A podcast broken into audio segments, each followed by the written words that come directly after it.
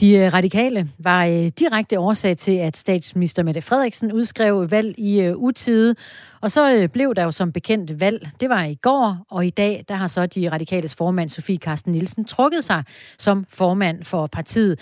Det gør hun, fordi hun øh, tænkte, at hun nok ville få et svagt stemmetal ved folketingsvalget. Hun er blevet stemt ind i øh, Folketinget, men ja, hun fik betragteligt færre personlige stemmer end øh, sidste gang. En øh, ret vild konsekvens af valget, at hun nu har trukket sig, og det kommer vi naturligvis til at dykke ned i her i radioen i aften. Det gør vi. Noget andet, vi også skal nå, det er, at vi skal jo lige en tur på værtshus, Christina. Ui, det skal man jo efter, efter sådan et, et godt valg. Ja. Vi skal nemlig, øh, eller det vil sige vores gode kollega Sara Birk Becker skal på værtshus. I aften så spiller FCK nemlig. Og øh, hvis man er på sådan et værtshus øh, som FCK-fan, hvad er det så lige, der føler mest lige nu? Er det valget? Er det fodbold? Det finder vi ud af. Det bliver godt. Velkommen til.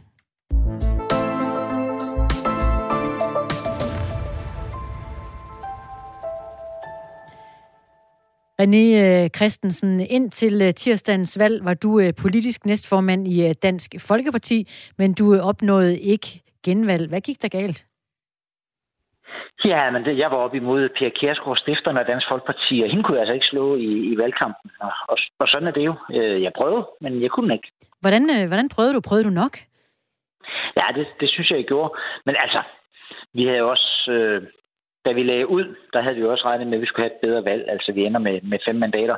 Der havde vi nok regnet med, at det skulle være bedre. Men altså, vi har også haft nogle målinger, som var nede på, på under 2 procent, og det er jo den her magiske grænse, der er i Folketinget. Altså, hvis man er under 2 procent, så er man ikke inde. Hvis man er over 2 procent, så er man inde. Og heldigvis så øh, kom vi over 2 procent, og vi fik også valgt fem mandater. Men jeg var så desværre ikke nogen af dem. Og du siger desværre. Hvordan har du det? Jamen, jeg har det egentlig rigtig fint. Altså, jeg er meget sådan afklaret med det, og nu har jeg også lige kørt hjem. Jeg er kommet tilbage på, til, til Falster, og så kan man lige køre og reflektere lidt i bilen. Altså, jeg har været medlem af Folketinget i knap øh, 15 år, og jeg har været med til at lave rigtig mange fantastiske gode ting, som, øh, som jeg også kan køre og kigge på. Øh, så det, øh, den tid, der er gået godt, kommer jo skidt tilbage. Det skal man altid huske. Du øh, lyder sådan øh, reflekteret og øh, okay med situationen, men siger selvfølgelig også, at, at det er ærgerligt. Hvad er det mest ærgerlige ved det? Jamen, det er jo egentlig, at øh, altså for det første så interesserer man sig jo selvfølgelig for, for samfundsudviklingen, når man, når man er folketingsmedlem. Men jo også hele det her øh, DF-projekt, som vi skulle i gang med nu. Altså øh, det her mere moderne DF med, med Morten som leder, som, øh, som åbner op og mere politisk udvikling osv. Det vil jeg jo rigtig gerne øh, have været med til. Men, øh, men det kom jeg så i hvert fald ikke lige her første omgang. Du har siddet i Folketinget siden øh, 2007, øh, og nu øh, gik det mandat, der så blev hentet ind i, jeres valgkreds, fælles valgkreds, Sjælland Storkreds, til Pia Kærsgaard. Vi har tidligere her til aften talt med en nyhedsredaktør på en lokal avis i området, hvor du er opstillet, og han siger, at man kommer til at savne dit mandat, fordi du har gjort noget for, for området. Hvad siger du til, at du nu har, har mistet den chance for at gøre noget, gøre noget godt for, for dem, der bor i området, hvor du bor? Jamen, sådan er det jo, når man mister et lokalt øh, folketingsmedlem. Og sådan er det jo for, for alle partier. Og så har jeg jo været heldig eller dygtig. Det, at det er nogle andre, der skal vurdere. Men altså, jeg har jo også været finansordfører. Øh, og det har selvfølgelig gjort, at jeg har været med til alle de her mange øh, store forhandlinger, som vi har haft. Uh, og det har selvfølgelig også øh, kunne bidrage til noget i hele landet selvfølgelig, men jo selvfølgelig også i forhold til, til mit eget område, fordi der får man jo det her input fra virksomheder, fra borgmestrene og så videre, så videre, så man er jo godt klædt på, når man er lokalvalgt. Og på, øh, på deres vegne, så ville de jo gerne have haft to øh, mandater, der ligesom øh, bakkede op om dem, eller i hvert fald øh, ja, dig også. Øh, men hvad kunne du have gjort for øh, at gøre det bedre i den her valgkamp, om noget overhovedet? Jamen, det, det, det synes jeg faktisk ikke, jeg kunne, og det er også derfor, jeg nok er så afklaret med det. Altså, vi har haft en fantastisk kampagne, og altså lokalforeninger og alle dem, jeg har virkelig hjulpet til. Altså, jeg sad lige og skulle invitere nu til, at vi skal have en frokost til den 13. om søndagen, og der er vi altså over 30 mennesker, så der er virkelig mange, der har, har været med og bakket op. Så, så vi kunne have gjort det bedre. Øh, vi har ikke lavet nogen fejl. Øh, og jeg har jo også fået et, et, et, et udmærket valg som sådan. Altså, jeg er jo ikke blevet blevet jordet. Øh, så, og hvis man endelig skal tabe, så er det vel ikke så slemt at gøre det til en, til en tidligere partiformand og stifter. René Christensen, der er jo, øh, vi har jo talt med nogle partier, som har ligget på spærregrænsen. Måske har der været målinger, som har vist, at de ikke ville komme over, og så kom de over, ligesom tilfældet var med Dansk Folkeparti.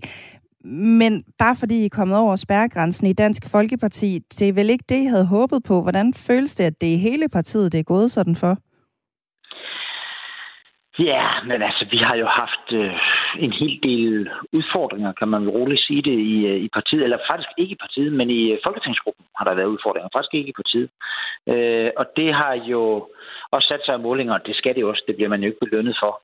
Og så da vi fik de der, jeg tror, vi havde tre målinger, der lå under 2 procent, øh, jamen, så får man sådan en anden virkelighedsbillede. Altså, fordi så bliver det jo lige pludselig det der. Altså, er man overhovedet en del af Folketinget? Og det er vi jo. Øh, og med fem mandater, så er der også noget at bygge på, så, så Dansk Folkeparti kan, kan sådan, hvad skal man sige, ånde lettet op, øh, og så få, øh, få bygget det nye DF op. Hvad bliver din rolle i det, og være med til at bygge det hele op igen?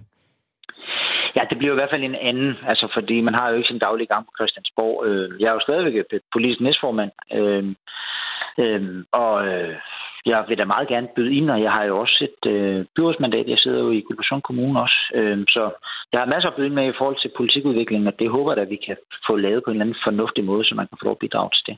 Hvilket ansvar hviler på dine skuldre over, at det er gået, som det er gået for partiet? Ja, det, det, det hviler vel lidt på os, på os alle sammen. Men hvilket altså, ligger på dine skuldre? Ja, det, det er svært at sige. Altså, jeg har ikke været involveret i mange af de her trakasserier, der har været, de her personlige udfordringer. Det har jeg jo holdt mig ud af. Så det har jeg ikke været sådan en del af. Men altså, jeg synes selv, at jeg har kørt en uh, fornuftig valgkamp, og hvis man kigger på min stemmetal, så er jeg jo faktisk heller ikke faldet så meget procent, som, som mit parti er. Og, og min egen kommune, Guldborgsund Kommune, der landede vi på 8,8 procent, så jeg synes jo faktisk, at jeg har bidraget ret godt. Men den øh, samlede holdindsats gør jo, at I alligevel ligger, hvor I ligger ret lavt. Så hvad kunne du have gjort for at gøre den proces, at det var gået bedre? Jamen, jeg tror ikke, jeg kunne have gjort så meget. Altså, de udfordringer, vi har haft, det har jo været, det var sådan nogle menneskelige ting og nogle følelser, og øh, vi blev valgt 16 mandater sidste gang, øh, og nu øh, øh endte vi med at være 6, og nu er vi blevet valgt 5. Øh, og det har jo været, ja, det, det var nok noget, vi skulle igennem, og jeg tror også, at vi kommer, kommer, kommer stærke ud af det, men, men der har jo godt nok også været meget hul om hej i vores parti, og folk har været altså virkelig sådan personlige uvenner og, og sådan nogle ting, og det har jo været, det har ikke været ret at se på. Men det er vi heldigvis kommet over nu, og derfor var det jo også så vigtigt, altså, hvad skal man sige, at komme over valget over de to. Og der er held, heldigvis med et mandat mere, end der, det var nødvendigt for at komme over spærregrænsen. Så nu er vi fem, øh, og jeg ønsker de fem meget tillykke med deres valg, men de får sørme også nogle lektier for. Og nu kan det jo godt komme til at lyde, som om vi tegner en hel nekrolog over dig, René Christensen. Når nu jeg, jeg spørger dig, når du kigger tilbage på din tid i Folketinget, hvad, hvad husker du så egentlig bedst? Jamen, ja, det jeg husker bedst, det er jo, øh, det er jo, det er jo både de store aftaler og de, de små aftaler. Øh, Altså, øh, jeg har været med til at beslutte øh, Femernforbindelsen til over øh, 60 milliarder. Det var mit parti faktisk imod, da jeg blev valgt. Så der har jeg stået mange gange og sagt Lolland Falster og udvikling og infrastruktur.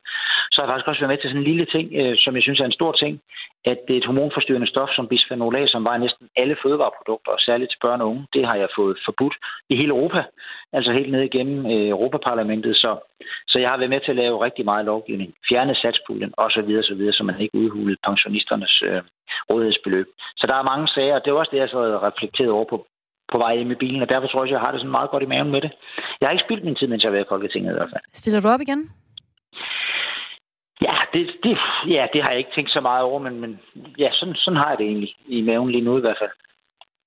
Tak for det, øh, René Christensen. Medlem af Folketinget siden 2007 for Dansk Folkeparti, men altså ikke med i den øh, kommende valgperiode. Om lidt skal vi tale med Ditte Shamshiri Pedersen, der er lektor ved Institut for Politik og Samfund ved Aalborg Universitet. Men først det er blevet tid til lidt dejlig musik. Ja, kan du huske, hvad øh, der i den første statsministerkandidatdebat, der var på TV2? Der blev de jo spurgt alle sammen til sidst. Hvilket stykke musik vil du høre, når du øh, går med sejren hjem fra oh, valgnatten? Ja. Når du sidder i bilen med armen ud af vinduet og fyrer anlægget op. Hvad ja. skal du så lytte til? Kan du huske, hvad Mette Frederiksen siger? Nu er hun jo øh, vinderen, må vi sige. Kan du huske, hvad hun vil lytte til? Oh, det kan jeg faktisk ikke. Prøv at høre hende sige det. Jeg håber på, at når valgkampen den er overstået, og de politiske forskelle har været tegnet op, så går vi i gang med at samarbejde for Danmarks skyld. Og derfor tænker jeg, så skal vi have sådan en god TV2-sang, øhm, som vil illustrere noget samarbejde. Så tænker jeg, hvis jeg skrev på månen, så vi står og sige, ja, det er jo helt på månen med den der brede regering. Præcis. Så det bliver så i Danmark i stedet for, ikke? Det var, fordi hun havde skrevet de første kærester i Danmark, i stedet for at skrive de første kærester på månen, som den jo rettelig hedder. TV2! Det er øh, valgaften på øh, Radio 4 med Sine Ribergaard Rasmussen og Christina Ankerhus. Velkommen til.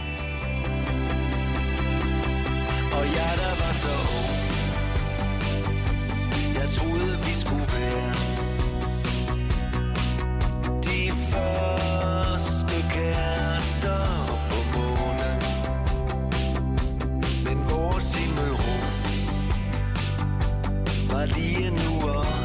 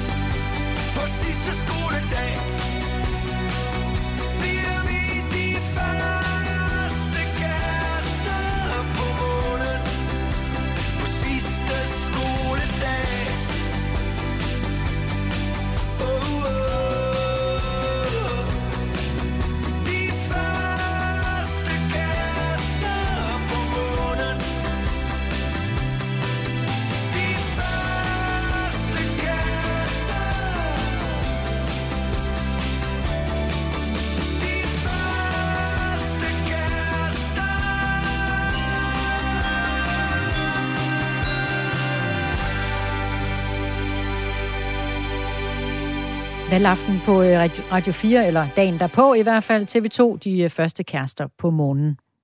21 procent af vælgerne de var i tvivl om, hvad de skulle stemme helt op til krydset skulle sættes i går. Samtidig så var stemmeprocenten på 84,1 procent, og det er det laveste i mere end 30 år.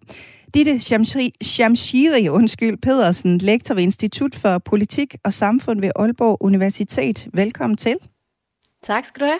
Hvad har det betydet for valget, at der er så mange vælgere, som har været i tvivl den her gang? Puha, jamen det har jo betydet mange ting. Altså man kan sige, noget af det, der har betydet, det er jo selvfølgelig også sådan nogen som mig, og altså forskere og kommentatorer, vi har haft rigtig svært ved at forudsige, eller have en idé om, øh, hvordan det, det hele vil ende. Så vi har rigtig mange gange sagt, uh, puha, det kan falde ud til begge sider. Så det har jo selvfølgelig gjort det noget mere usikkert, øh, hvor vi andre gange måske har været lidt mere sikre på, uh, hvad resultatet vil være. Og har øh, den her tvivl også øh, betydet, at der er flere normalt, som har stemt på et andet parti, end de gjorde ved sidste valg? Altså i hvert fald de tal, vi har set øh, op til dem, der er tilkendegivet. Vi har jo ikke tallene på, hvor folk rent faktisk har, har, øh, har stemt endnu, øh, altså om de har skiftet eller ej. Men, men de tal, vi har set op til, hvor folk har kunne tilkendegive, om de tænkte sig at skifte, der tyder det på, at det også er steget øh, tilsvarende, ligesom andelen af tvivlere. Så, så noget tyder på, at øh, der er større, lidt større omskiftelighed, øh, end vi tidligere har set, selvom at det er øh, ligesom en del af en opadgående trend, som vi har set igennem de, de seneste valg. Altså der har både andelen af, af tvivlere og skifter sådan steget øh, lidt for hvert valg. Noget, man jo også kan vælge at gøre, hvis man er i tvivl helt til det sidste, det er at stemme blankt. Hvordan er mm. udviklingen i antallet af blanke stemmer? Ja, det er jo øh, det er et godt spørgsmål. Jeg har haft lidt svært ved at, at få fundet et, øh, et, et samlet tal for andelen af blanke stemmer, men altså, nu kommer jeg jo fra, fra Nordjylland, og der er der i hvert fald sket en kraftig øh, forøgelse. Altså der er vi oppe at tale noget nær en 60 procents forøgelse af andelen, eller af, af dem, der, der stemmer blankt. Så det er jo, så selvom vi er nede og tale om kun cirka en procent af vælgerne, så er det jo alligevel en, en stor øh, forøgning i forhold til, hvad vi tidligere har set. Så hvis det er, hvis det er en, øh, en tendens, så, øh, så, så vil vi altså også se andre steder, at der er flere, der har valgt at gå op og stemme blankt. Der har jo været talt meget om, at det her folketingsvalg har været forvirrende for vælgerne, og det er derfor, mm. at valgdeltagelsen har været så lav. Men den her nedadgående valgdeltagelse mm. er jo ikke noget nyt. Hvorfor er der færre og færre, som stemmer? Ja, det er jo, det er jo et rigtig godt spørgsmål. Øhm, nu skal vi jo huske på, at når vi øh, siger, at øh, det er nedadgående, og der er færre, der, der stemmer, vi har jo stadigvæk en ret høj valgdeltagelse øh, i Danmark, og øh, fra, fra, skal vi sammenligne 19-valget med 22-valget her, så, så er der tale om en, en halv, ja, altså fra 84,6 til 84,1. Så det er jo ikke, fordi vi er ude i, i det helt store drama, men det er rigtigt, det er en nedadgående trend øh, i forhold til, at, at der er færre og færre, der stemmer. Forklaringerne, det bliver jo sådan lidt mere, øh, hvad kan man sige, gætværk, men det er, du har måske fat i noget omkring det her med, at det bliver svært og svært at træffe en beslutning, fordi at det bliver, bliver sværere og sværere at navigere i politik. Og der kan man sige, øh, selvom der ikke er sådan en forklaring på, hvorfor man tvivler, eller øh, hvad skal man sige, ikke ved, hvor krydset skal sættes, så, så er det vigtigt at, at forstå, at vælgerne faktisk øh, lægger meget i øh, den her valghandling. Altså man vil rigtig gerne træffe det rigtige valg. Men det vi også har set ved det her valg, det er, at man som vælger står over for en ret kompleks øh, politisk virkelighed. Der er rigtig mange forskellige og meget vigtige emner at forholde sig til. Og især ved det her valg har vi jo set, at der er kommet nye partier til, men også at politikerne jo flytter sig ekstremt meget rundt. Og så er beslutningen ikke let. Så, så noget af det, jeg tænker, øh, vi også skal have med i ligningen, når vi snakker om, om vælgerne, det er, øh, det er ikke kun de her troløse vælgere, som medierne rigtig meget taler om. Vi har altså også øh, nogle partier og nogle politikere, der flytter sig rigtig meget, og som er med til at og, og selvfølgelig øh, gøre det hele mere øh, usikkert og i større bevægelse, kan man sige. Og øh, det her med, at det er mere usikkert, det betyder også, at der er mange, som beslutter sig meget sent, eller mm. først, mm. når de ligefrem står i stemmeboksen. Er ja. det noget, man kan se på valgresultatet? Øhm, jeg ved ikke, om man kan se det på, på valgresultatet. Det, det, vi ved jo af gode grunde ikke, øh, hvad, hvad, hvad de ellers ville have stemt, kan man sige. Altså, så, så det er svært at sige, hvad det har, har betydning, men man kan sige, øh, de er måske, øh, vi har måske en større andel vælgere, der træder ind i stemmeboksen og måske stadig er i tvivl, og måske endda også er det, når de træder ud igen. Og det gør jo selvfølgelig, at, øh, at man også nemmere kan bevæge sig væk fra det parti igen. Så, så jeg ved ikke, om det har betydet noget for, for valgresultatet som sådan, men det, har måske, det betyder måske noget fremadrettet i forhold til, øh, at den tilslutning, de enkelte partier har, den kan måske også hurtigt forsvinde igen. Gør det valget og sådan hele processen mere skrøbeligt, hvis man kan være i tvivl helt op til man står i stemmeboksen, og så også når man faktisk går ud derfra igen? Oh, hey, men jeg synes, jeg synes øh, øh, det er sådan, der er ikke sådan et entydigt svar, fordi på den ene side, så, øh, så tænker jeg jo også, at øh, det at være i tvivl, det er jo også det er, jo, det er jo ikke entydigt negativt, at man som vælger er i tvivl, og ikke øh, er, hvad skal man sige, øh, har, øh, er helt fastlåst i, sin, øh, i sit syn på politik og på politikerne og partierne. Tvivl er jo sundt i forhold til, at, at øh, at man på den måde reflekterer og tager stilling. Men tvivlen er jo usund, hvis det, hvis det handler om, at det er fordi, man ikke synes, der er, er nogen partier, der så at sige er gode nok til at repræsentere en. Så er det jo selvfølgelig ikke et, et sundhedstegn, kan man sige. Kan man sige noget om, om vi mere i dag end tidligere stemmer efter enkelte mærkesager, som betyder noget for os, end at forsøge at finde et parti, som har alt det, vi står for?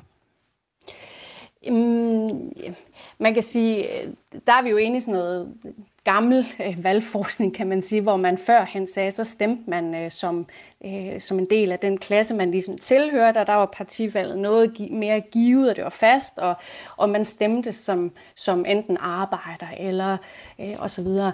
Øh, og sådan har det jo i mange år ikke været. Der, der taler man rigtig meget om, at det er så enkeltbaseret, øh, øh, enkeltsagsbaseret valg som, som noget negativt, men det, det, det dækker jo også over, at vælgerne de stemmer efter deres politiske holdninger. Altså, hvad er vigtigt for mig lige nu?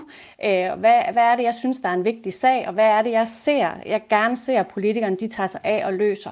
Og det er jo klart, det kan selvfølgelig, det kan selvfølgelig skifte alt efter, øh, hvor man selv er i sit liv, eller hvad man ligesom oplever, hvad man får øje på, hvad man gør sig af erfaringer. Øh, så, så, så det er jo selvfølgelig også noget af det, når man, tager mere stilling øh, fra gang til gang, så bliver man jo også påvirket af, af det, man ser og oplever, den information, man får både fra medier og fra politikerne selv. Tak fordi du var med her, Ditte Shamshiri Pedersen. Velbekomme. Altså lektor ved øh, ej, nu gjorde vi det igen, Christine. Start dagen med Radio 4 morgen. Klokken er 14 minutter i syv. Du lytter til Radio 4 morgen. Vi stiller dagens vigtigste spørgsmål. Pia Kærsgaard, hvem skal tage tørklædet af en, øh, en pige på 11 år, der møder op med tørklæde på i folkeskolen? Og giver dig svar på dine. Vi har lagt ud til jer, der lytter med. 1424 er nummeret, hvis du vil blande dig i debatten her i Radio 4 morgen. Tak for post. Alle hverdage fra 6 til 9. Radio 4 taler med Danmark. Og taler ind over øh, det, vi lige får spillet. Beklager. jeg, vil, jeg vil lige sige, at Ditte Shamshiri Pedersen var lektor ved Institut for Politik og Samfund ved Aalborg Universitet. Og så øh, sender vi jo altså fire timers live, så lige sådan et par småfejl, dem skal vi næsten have med, ikke? Det var i virkeligheden, fordi jeg glæder mig rigtig meget til øh, det, vi skal nu. Vi skal nemlig en tur på værtshus, hvor man jo øh, selvfølgelig har øh, fulgt med i, øh, hvad der er foregået det seneste døgns tid med øh, valggyser lige til det sidste. Og faktisk så øh, ved vi jo heller ikke meget om, hvordan det hele falder ud til sidst. Vores reporter Sara Birk Becker er taget til Café Runddelen på øh, Nørrebro i øh, København for lige at undersøge, hvordan øh, stemningen er der. Og hvad siger gæsterne til valgresultatet? Jamen øh, her på øh, Café Runddelen øh, på Nørrebro i København er gæsterne sådan lidt svettydige omkring resultatet af det her folketingsvalg. Øh, og det er jo sådan et godt brunt værtshus, som øh, jeg sidder på her. Her er fyraftenstemning, der er billig fadøl, og der er fodbold på storskærmen her øh, bag ved mig. Og øh, altså nu har vi jo hørt fra analytikere og journalister i et væk, øh, så derfor så har jeg øh, sat mig ned sammen med nogen, der øh, stemte i går, og som øh, gerne vil fortælle lidt om, hvorfor de egentlig har sådan lidt svettydigt med det her øh, valgresultat, eller i hvert fald har noget at sige om det. Og det er øh, Knud Leon Jutka Madsen. Du er 20 år sabbatår. Yes, det er korrekt. Og så har jeg også øh, fundet mig Mathilde Gellert Martov. Du er også 20 år, og du har også sabbatår. Yes, det har jeg. og Knud, altså, hvad siger du til det her forløbige valgresultat? Uh, det har været en lidt sjov valgperiode, og bare generelt sjov valg for mit vedkommende, fordi at jeg ikke rigtig har sat mig så meget ind i det igen. Da jeg føler, at valget i år har været præget af mange kriser, som i mine øjne har været uløselige selv for de partier, der har været mest radikale. Og så også, at det har været præget meget mudderkast og meget... Altså, en mangel på kompromiser blandt partierne, og en generelt stor influx af valgflæsk. Altså, ja, når partierne lover en masse i sidste sekund, som er meget radikale og sådan noget, bare for at skrabe vælgere til sig, som jeg ligesom ikke helt har følt var særlig sådan godt. Og ja, mangel på langvarige planer, så for mit vedkommende, så har valget været lettere u- useriøst til en vis grad, og måske også bare sådan, ja, på grænsen til ligegyldigt. Den her holdning, du har, hvilken betydning har det haft for, hvad du så stemte i går? Men den er, altså selvfølgelig har det betydet meget. Altså sådan, det, det har klart gjort en stor indflydelse. Uh, og jeg har jo bare endt med at, at stemme på en, jeg kendte, uh, eller har mødt et par gange før, som jeg ligesom bare har ja, følt var et godt valg af ren personlighed. Har du lyst til at fortælle, hvad og hvem du har stemt på? Jeg har stemt på Peter Dragsted for Enhedslisten. Um, ja, alene den grund er sådan, at jeg kommer fra en rød familie også, og jeg er selv fra Nørrebro, som også generelt er meget rødt, så selvfølgelig har min miljø og min omgangskreds også haft et stort ja, præg på, hvad jeg har stemt. Og så, ja, også fordi jeg går meget ind for, for klimaet, og så synes jeg også, at den offentlige sundhedssektor burde styrkes mere, og det er også blandt andet en af mærkesagerne for enhedslisten, at styrke det offentlige. Og Maja Mathilde, hvor vigtigt har det været for dig at stemme til det her folketingsvalg? Øh, det har været ret vigtigt for mig. Nu har jeg ret meget samme holdning som Knud til valget, og jeg har følt, at det har været til en vis grad lidt ligegyldigt. Men jeg føler også, at det er til et punkt, hvor jeg er nødt til at stemme for os på en eller anden måde at kunne snakke om det, for ellers så føler jeg ikke, man har berettiget til at snakke om det, hvis man alligevel ikke går ind i det og selv stemmer. Men øh, jeg tror også, jeg altid har fået at vide hjemmefra, at det er noget, man skal, og sådan er blevet... Også der i starten, når man ikke helt vidste, hvad det var, så fik min mor til at gå med mig ned og ligesom gøre det første gang.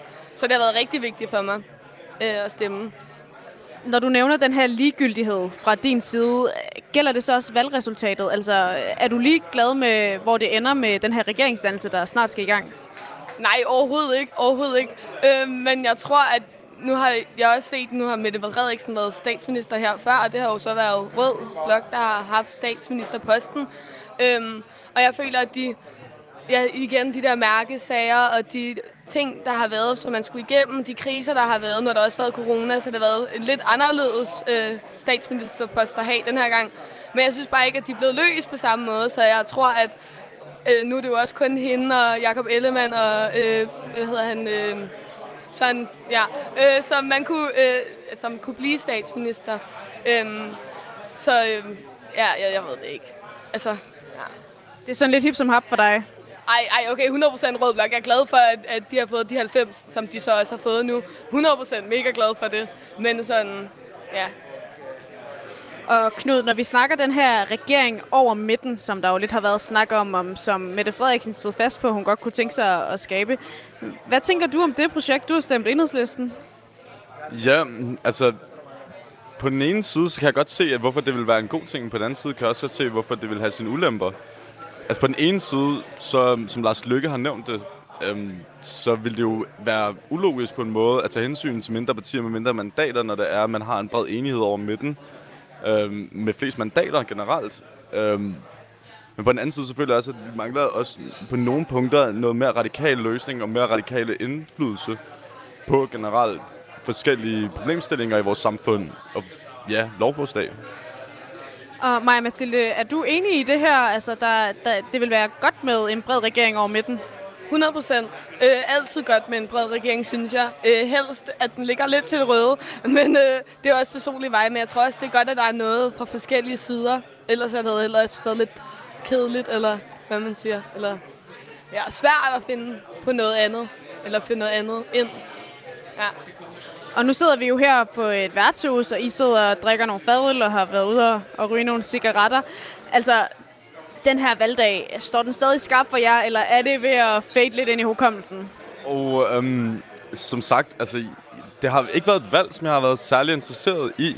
Øhm, grundet den her lidt ja, pessimistiske tilgang til det. Altså, der ligesom har været de uløselige kriser, og ikke rigtig nogen af partierne har rigtig kunne fange mig i forhold til en generel plan, om det har været finans, eller om hvad det har været. Så jo, det, det, det er lidt gået som forventet lad mig sige det sådan. Altså, det, det har ikke rigtig været en stor overraskelse igen, at der har været den her store, ja, selvfølgelig tilgang til Mette Frederiksen. Om hun skulle beholde stats, statsministerposten, hvilket jo hun gjorde, eller har gjort. Ja, det, så det kommer ikke som sådan som en overraskelse for mig. Men det kommer jo delvis en overraskelse for mig, at Lars Lykke og Moderaterne er kommet så meget med i spillet. Ja. Og Maja Mathilde, er det her et valgresultat, som du kommer til at se tilbage på, eller er det bare endnu en i rækken? Ja, altså, det får vi jo også at se, men øhm, altså, jeg tror, at, at jeg kommer nok ikke til at huske det så meget. Jeg har heller ikke faktisk fulgt så meget med i det. Jeg tror mere, det er... Øh, jeg synes, at hele valget det går altid lidt ud på sådan lidt magtliderlighed, og det er ikke så meget mig. Øhm, hvor jeg synes mere, at man måske skulle tænke på alle de kriser, vi har som altså miljø og sådan noget, i stedet for at det bliver til sådan en kamp om magten, som det, jeg synes, det plejer at være. Men det var i hvert fald ordet her fra Café Runddelen på Nørrebro i København. Fra nogle af de vælgere, som øh, ja, har noget at sige om det. Savner I ikke noget øh, tak. musik, Sara? Tak. Jeg synes, der er så stille. Jo, jo jeg synes, der I skal have noget musik. Hvad med... Øh, ja, altså... Kan I synge med på Gnags? En, øh, en jukebox. Jamen, så der gå er en hen, jukebox heroppe. Gå hen og tryk på Gnags, og så det nummer, der hedder Danmark. Skal vi lige...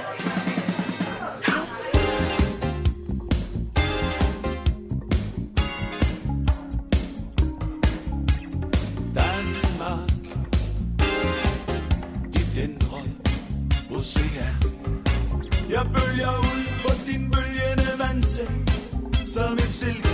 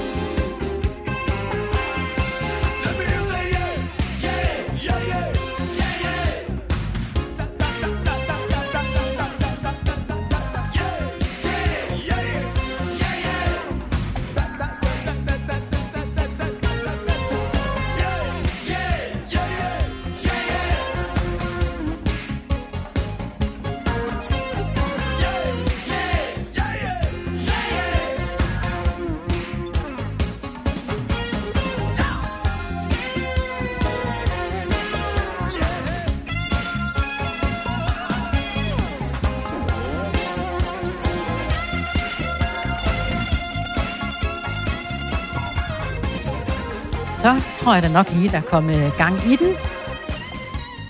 Gnags og øh, nummeret, der hedder Danmark. Udfaldet af valget blev næsten så tæt, som det overhovedet kunne blive. Rød Blok fik 87 mandater, og derfor øh, ser det altså ud til, at de øh, nordatlantiske mandater kan blive tunge på vægtskålen. Hvis Rød Blok... Nu øh, må jeg nødt til at sige, at min skærm går amok. Nå, øh, nå så, så fik den lige lidt ro på sig igen. Hvis øh, Rød Blok vil have de øh, nødvendige 90 mandater for det øh, absolute flertal, er de øh, så nemlig afhængige af, at tre af de fire nordatlantiske mandater peger på dem. Aya Kemnitz Larsen, folketingsmedlem for det grønlandske parti IA. Velkommen til. Mange tak. Hvordan er det, du øh, udtaler hele partiets navn? Det er Inuit Ataqatigiit. Vi havde nemlig en uh, politisk kommentator med her lidt tidligere til aften, som uh, nægtede at udtale det, så nu er det meget fint, at vi får det hele med. Yes, super. Det var godt. Det, som det ser ud til lige nu, ja, så bliver det måske noget afgørende med, øh, med, med jeres øh, mandat. Hvem peger I på? Jamen, vi peger på den statsminister, som vil varetage grønlandske interesser allerbedst. Det er måske den korteste måde, man kan sige det. Og hvis jeg skal blive lidt mere konkret, så ser vi sådan set en, en bred rød regering med Mette Frederiksen i spidsen, eller alternativt, at vi ser en, øh, en, en bred regering, hvor Moderaterne er med, og hvor det er de røde partier. Det, det er de to scenarier, vi sådan ser som mest sandsynlige og mest øh, ønskværdige set med vores briller. Men det er også vigtigt at få sagt, at vi har stillet 10 krav over for en kommende regering, som vi kommer til at tage med til de forhandlinger, som vi nu er indkaldt til på fredag. Øh, og, og der bliver det vigtigt for os at have en drøftelse med den kongelige undersøger, Mette Frederiksen, om hvordan kan vi ligesom være med til at sikre en forbedret relation mellem Grønland og Danmark, og en forbedret øh, fokus på, på rigsfællesskabet. Det er rigtig vigtigt for os. Der er jo mange øh, vigtige informationer i det, du sagde der, Aya Kemnitz Larsen, folketingsmedlem for det grønlandske parti IA. Øh, så øh, hører jeg dig sige, at det er muligt, at de peger på øh, Lars Løkke Rasmussen, hvis ellers han kan leve op til de krav, I har? Altså, jeg ser sådan set ikke et flertal, der peger på øh, Lars Lykke. Jeg ser øh, måske, at der kan være en mulighed for, hvis man ikke kan få lavet en, en bred rød regering, at der så øh, er nødt til ligesom at være en øh, opbakning også fra moderaterne. Øh, og det kan vi godt se os selv i. Det vi ikke kan se os selv i, hvis jeg skal snævre det lidt ind, det er, øh, Søren Pape først og fremmest kan vi ikke se som statsministerkandidat. Jeg kan også forstå, at han har trukket sig. Jeg har også meget svært ved at se Jakob Ellemann som, øh, som statsminister, som, øh, som vi kan pege på. Så, så man kan sige, at det begynder at snævre sig lidt ind. Og så er der jo øh, den her mulighed om, øh, om at lave den her brede regering. Og der tror jeg, det er vigtigt, at vi også får Socialdemokratiet på banen til at sige, øh, hvilke muligheder er det, de ser for sig. Øh, og så må vi jo tage forhandlingerne derfra.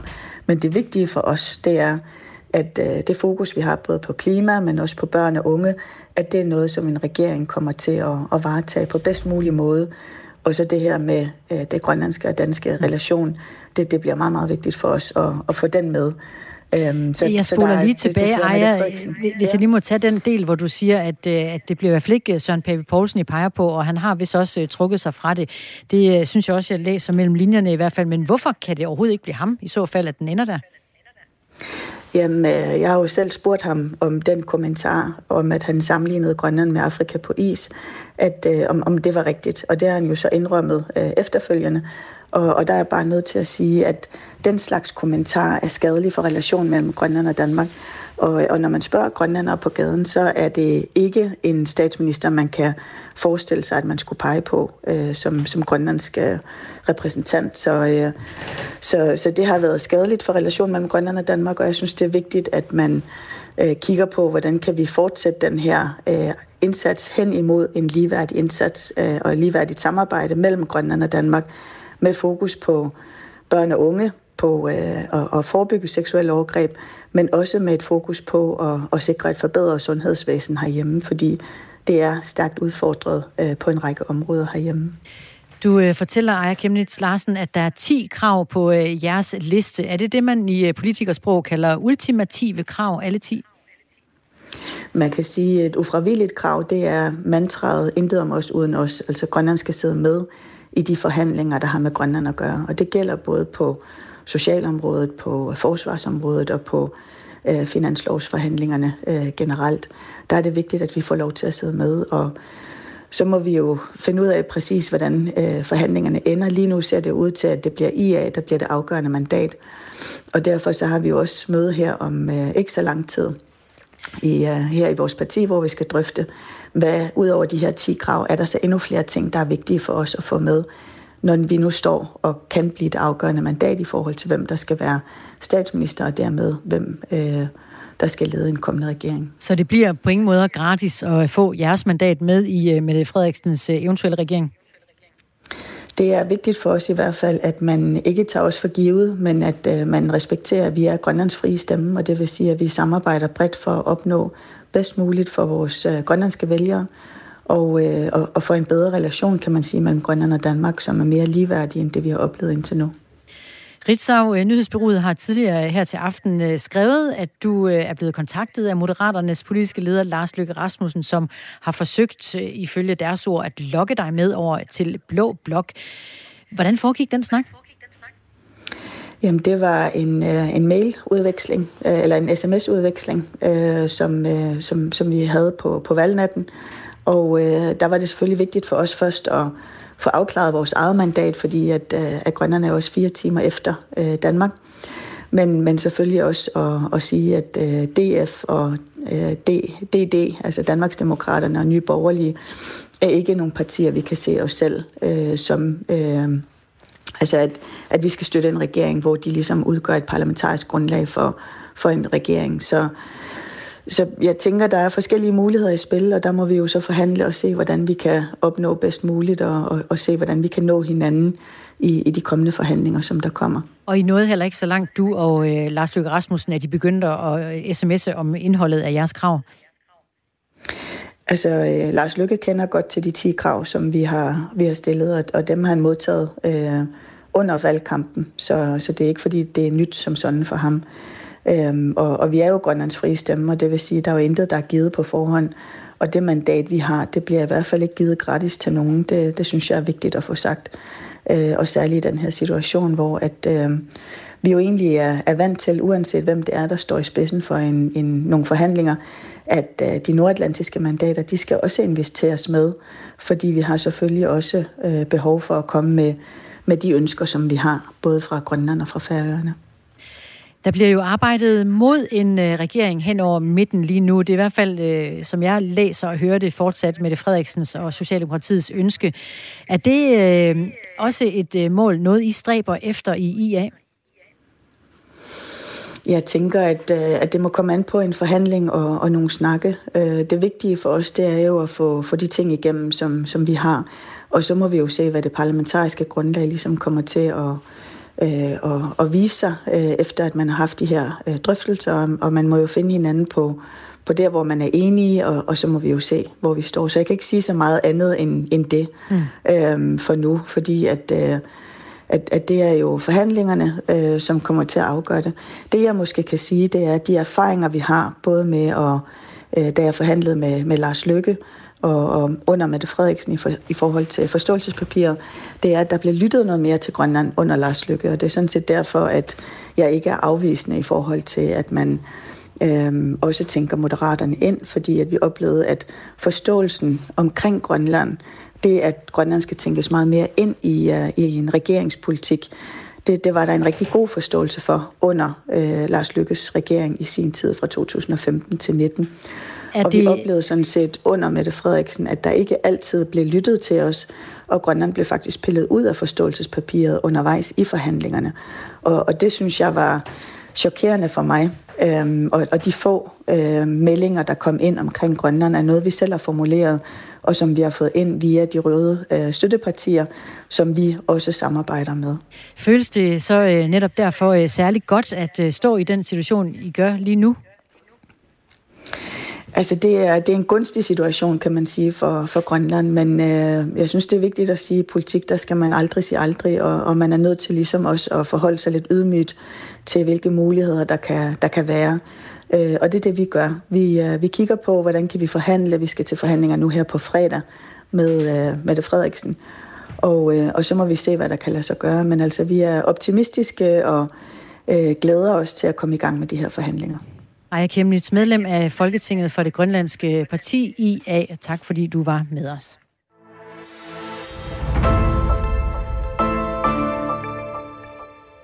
Og så lad os lige samle op på dagens helt store historie. For klokken kvart over tre i eftermiddag, der blev smidt lidt af en bombe i dansk politik. Sofie Carsten Nielsen trækker sig som leder af Radikale Venstre. Jeg skulle have været ved dronningen lige nu. Det er vores næstformand, Martin Lidgaard, i stedet for. Fordi i de her minutter og timer, der er der kommet de personlige stemmetal ind. Og jeg har sagt de sidste par dage, selvfølgelig bliver jeg valgt, når jeg er spurgt. Fordi man skal tro på det, man gør i politik. Og derfor så svarede jeg, som jeg gjorde. Men stemmetallene viser også meget tydeligt, at der ikke er tillid til mig. Og uanset om jeg bliver valgt ind eller ej, så er mandatet for svagt. Vælgerne stemmer vil noget andet, og det har jeg den største respekt for. Og derfor så kan jeg selvfølgelig heller ikke fortsætte som politisk leder. Jeg sender al styrke og kærlighed til den radikale gruppe og bevægelse. Den er heldigvis meget, meget stærk. Jeg står ved alt det, jeg sagde til dem i går. Det gælder, og der er masser af arbejde for dem at gøre. Nu skal den radikale gruppe samles og finde en ny ledelse. Det skal den have tid og ro til, også selvom det ikke er hverken en rolig eller tid, eller der er øh, tid til det. Men sådan bliver det.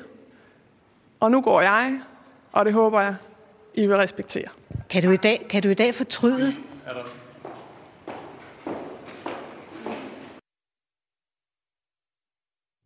Ja, hun gik altså øh, helt bogstaveligt talt efter øh, den bemærkning.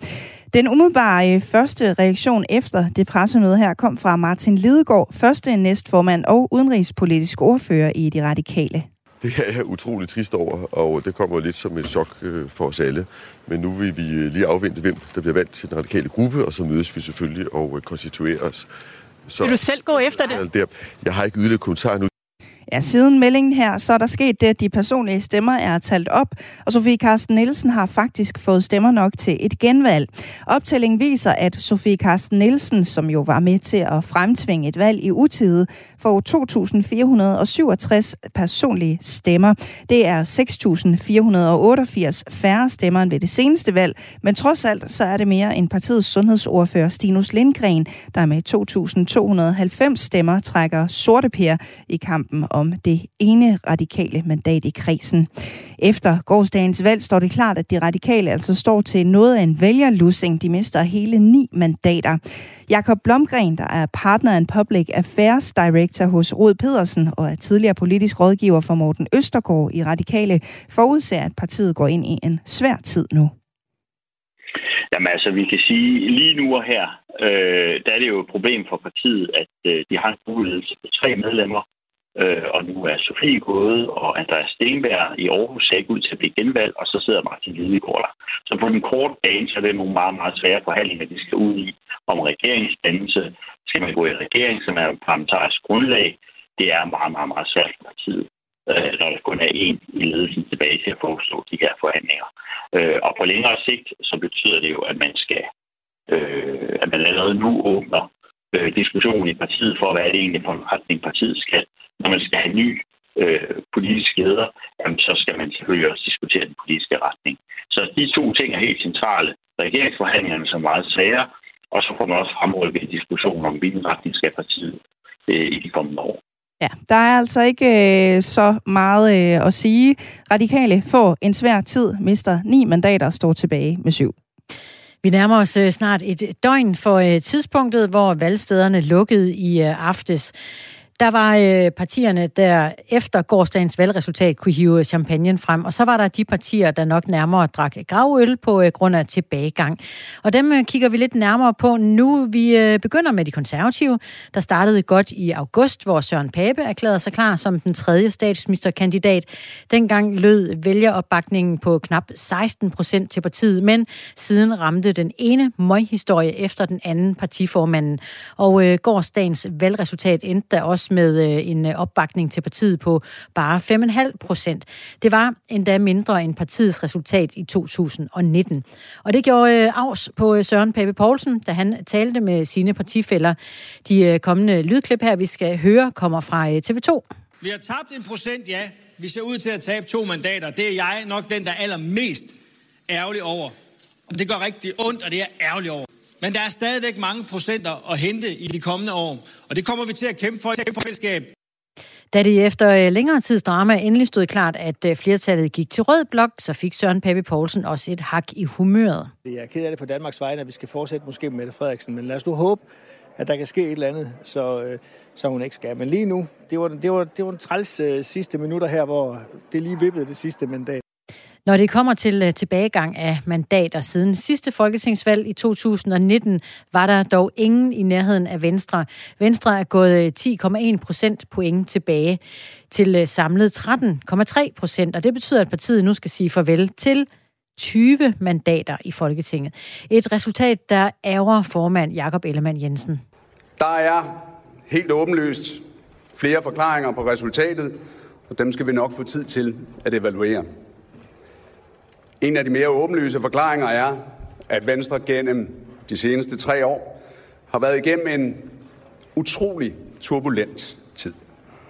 Vores tidligere formand, vores tidligere næstformand, har hver især stiftet deres eget parti. Det påvirker selvfølgelig vores resultat i aften. Sammen så øh, ville det, man kunne kalde forenede Venstre, få omkring 30 procent af stemmerne. Jo, jo. Men ja, det ændrer jo altså ikke på, at Venstre kun har fået 13,3 procent af stemmerne. Valgmatematik er ubarmhjertig, men vælgerne, de har talt. Og i et demokrati, der kan vælgerne aldrig nogensinde tage fejl. Radikale Venstre, hvor øh, Sofie Carsten Nielsen tidligere i dag annoncerede, at hun går af som leder, var øh, også blandt gårdsdagens tabere. Partiet er blevet øh, overhalveret over halveret og går nu fra 16 til 7 mandater. Formand Sofie Carsten var derfor ked af det, da hun i går holdt tale foran sine partifælder. Vi har tabt mandater i dag, det er helt tydeligt. Men allermest så øh, kommer vi jo til at miste kolleger, der har gjort en kæmpe indsats og en kæmpe forskel for Danmark og for Radikale Venstre i de seneste år. Og kolleger, som ville have kunne gøre en kæmpe forskel for Danmark og for Radikale Venstre i den kommende tid. Og det er jeg ked af. Det er mit ansvar, at valgkampen ikke gik bedre. Og det ansvar, det tager jeg på mig. Der er masser af selvrensagelse at tage fat på. Der er helt sikkert flere grunde til, at det ikke gik bedre. Og dem skal vi i god ro og orden tale igennem i partiet. Og vi skal give os tiden til det, så vi kan blive klogere og bedre. Det var Radikale Venstre, der gav regeringen et ultimatum om at udskrive valget her i efteråret, hvis den stadig skulle have Radikale Venstres tillid. Men overfor øh, TV2 har Sofie Carsten Nielsen øh, sagt, det var i går, at det, var, øh, at det ikke var en fejl at kræve et tidligt folketingsvalg. Vi gik til valg på en bred regering. Vi gik ikke til valg på et rødt flertal. Men selvfølgelig gør jeg mig selvrensagelse i forhold til, at det er gået Radikale Venstre dårligt i forhold til sidste valg. Jeg tror, det har kostet os at tage ansvaret på os og være dem, der tog ansvaret for forandring og at stoppe et parti-regering.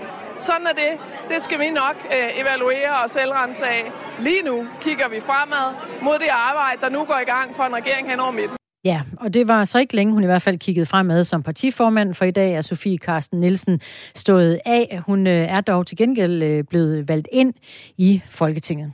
Det er hun. Øh, hvis vi nu lige skal vende os om og kigge på nogle af dem, som det er gået rigtig godt for. Hvem har så fået allerflest personlige stemmer? Det kan du næsten godt regne ud, Christina. Det må være øh, vores fungerende statsminister, som vi kalder hende lige i øjeblikket, Mette Frederiksen. Det må det nemlig. Hun har fået over 60.000 stemmer. 60.837 personlige stemmer.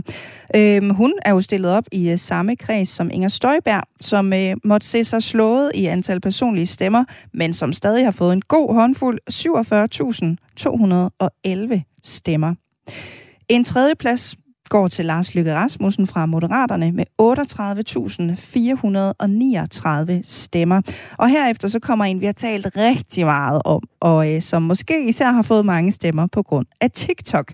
Det er nemlig Liberal Alliances Alex Vanopslag, som har fået 34.359 stemmer. Skal vi lige have et par stykker mere? Ja, kom med dem. Ja. Under Alex Vanopslag, SF's Jakob Mark, 31.235 stemmer. Derunder Socialdemokratiets Magnus Heunicke med 22.102 stemmer. Og under ham Venstres Jakob Ellemann Jensen helt dernede med 20.945 stemmer. Derunder så er det Nikolaj Vammen fra Socialdemokratiet, så er det Venstres Søren Gade, og så på en 10. plads Søren Pape Poulsen. Det var øh, de største stemmeslure fra øh, dette folketingsvalg. 10 øh, stemmeslure. Mette Frederiksen i toppen og øh, Søren Pape Poulsen i øh, bunden. Det er dagen derpå, og vi får orienteret dig om, hvem der er kommet ind i Folketinget, hvem er ikke, hvem er inde, hvem er ude. Så hæng på, når vi har hørt nyhederne her på Radio 4 med Henrik Møring, fordi så dukker vi op igen. Lige nu er klokken 20.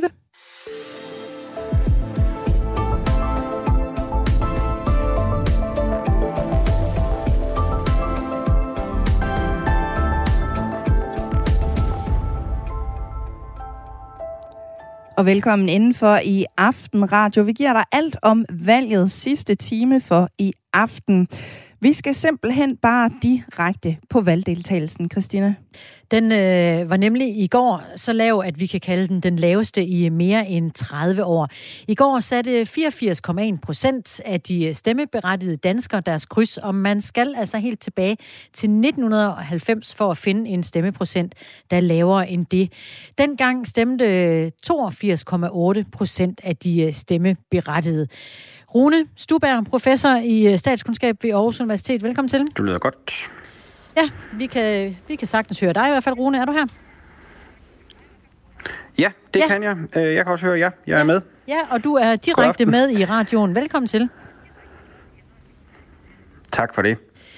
Professor i statskundskab ved Aarhus Universitet. En lav stemmeprocent, altså øh, den laveste i mere end 30 år. Hvad skal vi lægge i det? Ja, det er et godt spørgsmål. Det får vi jo brug for at grænske lidt øh, i den kommende tid, når vi kan komme til at kigge lidt mere øh, ned i tallene. Øh, der er jo nogle forskellige ting, øh, der tegner sig. Vi kan allerede nu se, at øh, der på nogle af valgstederne i øh, udsatte boligområder, hvor der bor øh, mange vælgere med, med minoritetsbaggrund, øh, at der er valgdeltagelsen øh, faldet øh, faktisk til flere steder under niveauet øh, i 2015. Så der er sket øh, det, man jo så kan kalde en demobilisering øh, i nogle af de miljøer. Det er jo noget af det, der bidrager til at skubbe øh, valgdeltagelsen øh, lidt nedad. Øh, så har vi jo faktisk også hørt øh, historier om, at øh, andelen af blanke stemmer er fordoblet i forhold til sidst. Øh, og sammen med en lidt lavere valgdeltagelse, så kunne det måske også tyde på, at øh, der er flere vælgere, der den her gang øh, simpelthen har haft svært ved at finde ud af, hvor krydset skulle sættes. Øh, og det kunne jo blandt andet skyldes, at vi har haft øh, 14 partier at vælge imellem, og tre af dem var helt nye, så der var noget nyt der, man skulle sætte sig ind i øh, som vælger. Øh, og så har de, ligner de jo også hinanden sådan øh, på forskellige punkter, de der øh, partier. Og ikke mindst øh, har vi jo haft øh, flere af partierne, som øh, er gået til valg på den brede regering ind over midten.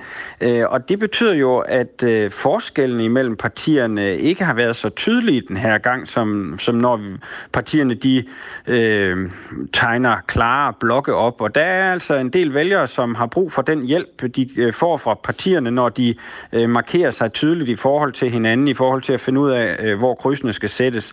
Så, så det kan være, øh, at, at en af faktorerne, både bag den lavere valgdeltagelse og stigningen i de blanke stemmer, kan simpelthen være, at der er flere vælgere, der den her gang har synes det har været svært at finde ud af, hvor krydset skulle øh, sættes henne. Ja, for faktisk, øh, Rune Stubær, så øh, taler man om historisk mange øh, blanke stemmer. Der er øhm, øh, 47.000 optalte blanke stemmer øh, ved det her valg, og det er altså historisk højt antal. Du øh, tillægger det flere forskellige ting, men hvad tror du især, det er et udtryk for, at man går hen, altså man bevæger sig afsted for at, øh, at vise sin utilfredshed ved at lægge en blank stemme i? Det er et rigtig godt spørgsmål, øh, for vi ved jo faktisk heller ikke, om det er udtryk for øh, utilfredshed. Øh, for i det hele taget ved vi ikke så meget om de blanke stemmer, fordi det jo plejer at være et øh, noget mindre fænomen, og det er stadig et meget øh, begrænset fænomen, når vi ser i forhold til, hvor mange stemmer, der øh, i det hele taget bliver afgivet. Øh, og derfor har vi ikke rigtig nogen øh, videre forskning om det øh, i den sammenhæng, fordi øh, det er en meget lille gruppe, så den er svær at få fat i i de undersøgelser, vi laver, og ydermere er det sådan, at de, der øh, ikke ikke øh, får stemt øh, og, og eller øh, stemmer blankt, de øh, typisk heller ikke er så interesseret i at deltage i de undersøgelser, vi laver. Så, så jeg må blive dig et, øh, et øh, velunderbygget svar skyldigt. Mit bud øh, kan være, at øh, det er folk, som øh, er sympatisk indstillet over for demokratiet, gerne vil øh, demokratiet, men som øh, enten måske ikke øh, synes, at de har kunnet øh, finde ud af, øh, hvad var det bedste bud øh, for, for et sted at sætte deres kryds, eller øh, har været utilfredse med, med valgmulighederne på stemmesedlen, øh, og så har ville øh, markere det ved at sige, øh, ved at møde op og, og afgive den blanke stemme. Ja, for det viser, øh, tænker jeg i hvert fald, øh, at man har en, en interesse i at være med. Altså man vil gerne være med, hvor det sker, men man vil gerne øh, give et, øh, ja, det er et eller andet symbol på, på noget. Altså utilfredshed, siger du. Hvad, hvad kan det være for en utilfredshed?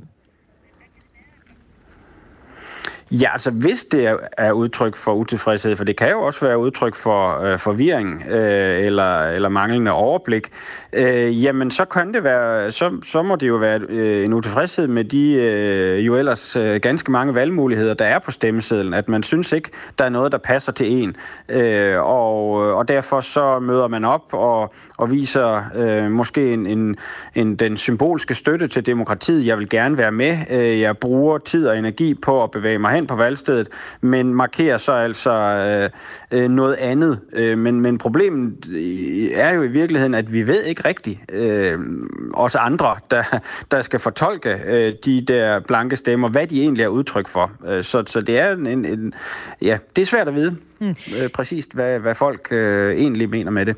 Tæller de øh, egentlig med de øh, 47.000 blanke stemmer, når vi snakker om stemmeprocent? Ja, det gør de. Øh, I forhold til de 84,1, øh, så er det antallet af, af afgivende stemmer, altså det vil sige sædler, der er puttet i stemmeurnerne. Så vi har... Og så er der en, en, et lidt lavere tal så for, for, de, for de gyldige stemmer, og der tæller de jo så ikke med.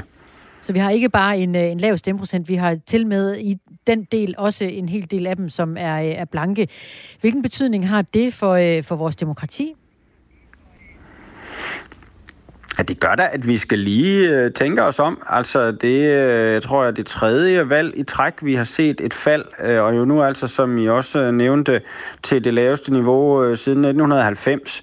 Øh, det var ikke så stort et fald, øh, kun øh, et halvt procentpoint i forhold til øh, øh, sidste øh, valg, så, så det er jo ikke sådan øh, en voldsom bevægelse, men, men jo set fra, fra det perspektiv, som, som jo hedder, at øh, demokratiet handler jo om, at borgerne skal deltage og træffe beslutninger, øh, så er det jo ikke noget øh, oplagt godt tegn. Øh, så, så nu må vi jo se, når vi øh, kan få lavet analysen af, øh, hvad det er for nogle faktorer, der, der kan ligge bag øh, øh, valgdeltagelser og i det hele taget øh, vælgernes forhold til politikerne, om, om vi kan finde nogle mønstre der. Øh, og så må vi jo tage bestik af det, når vi har en bedre pejling på, på nogle af forklaringerne.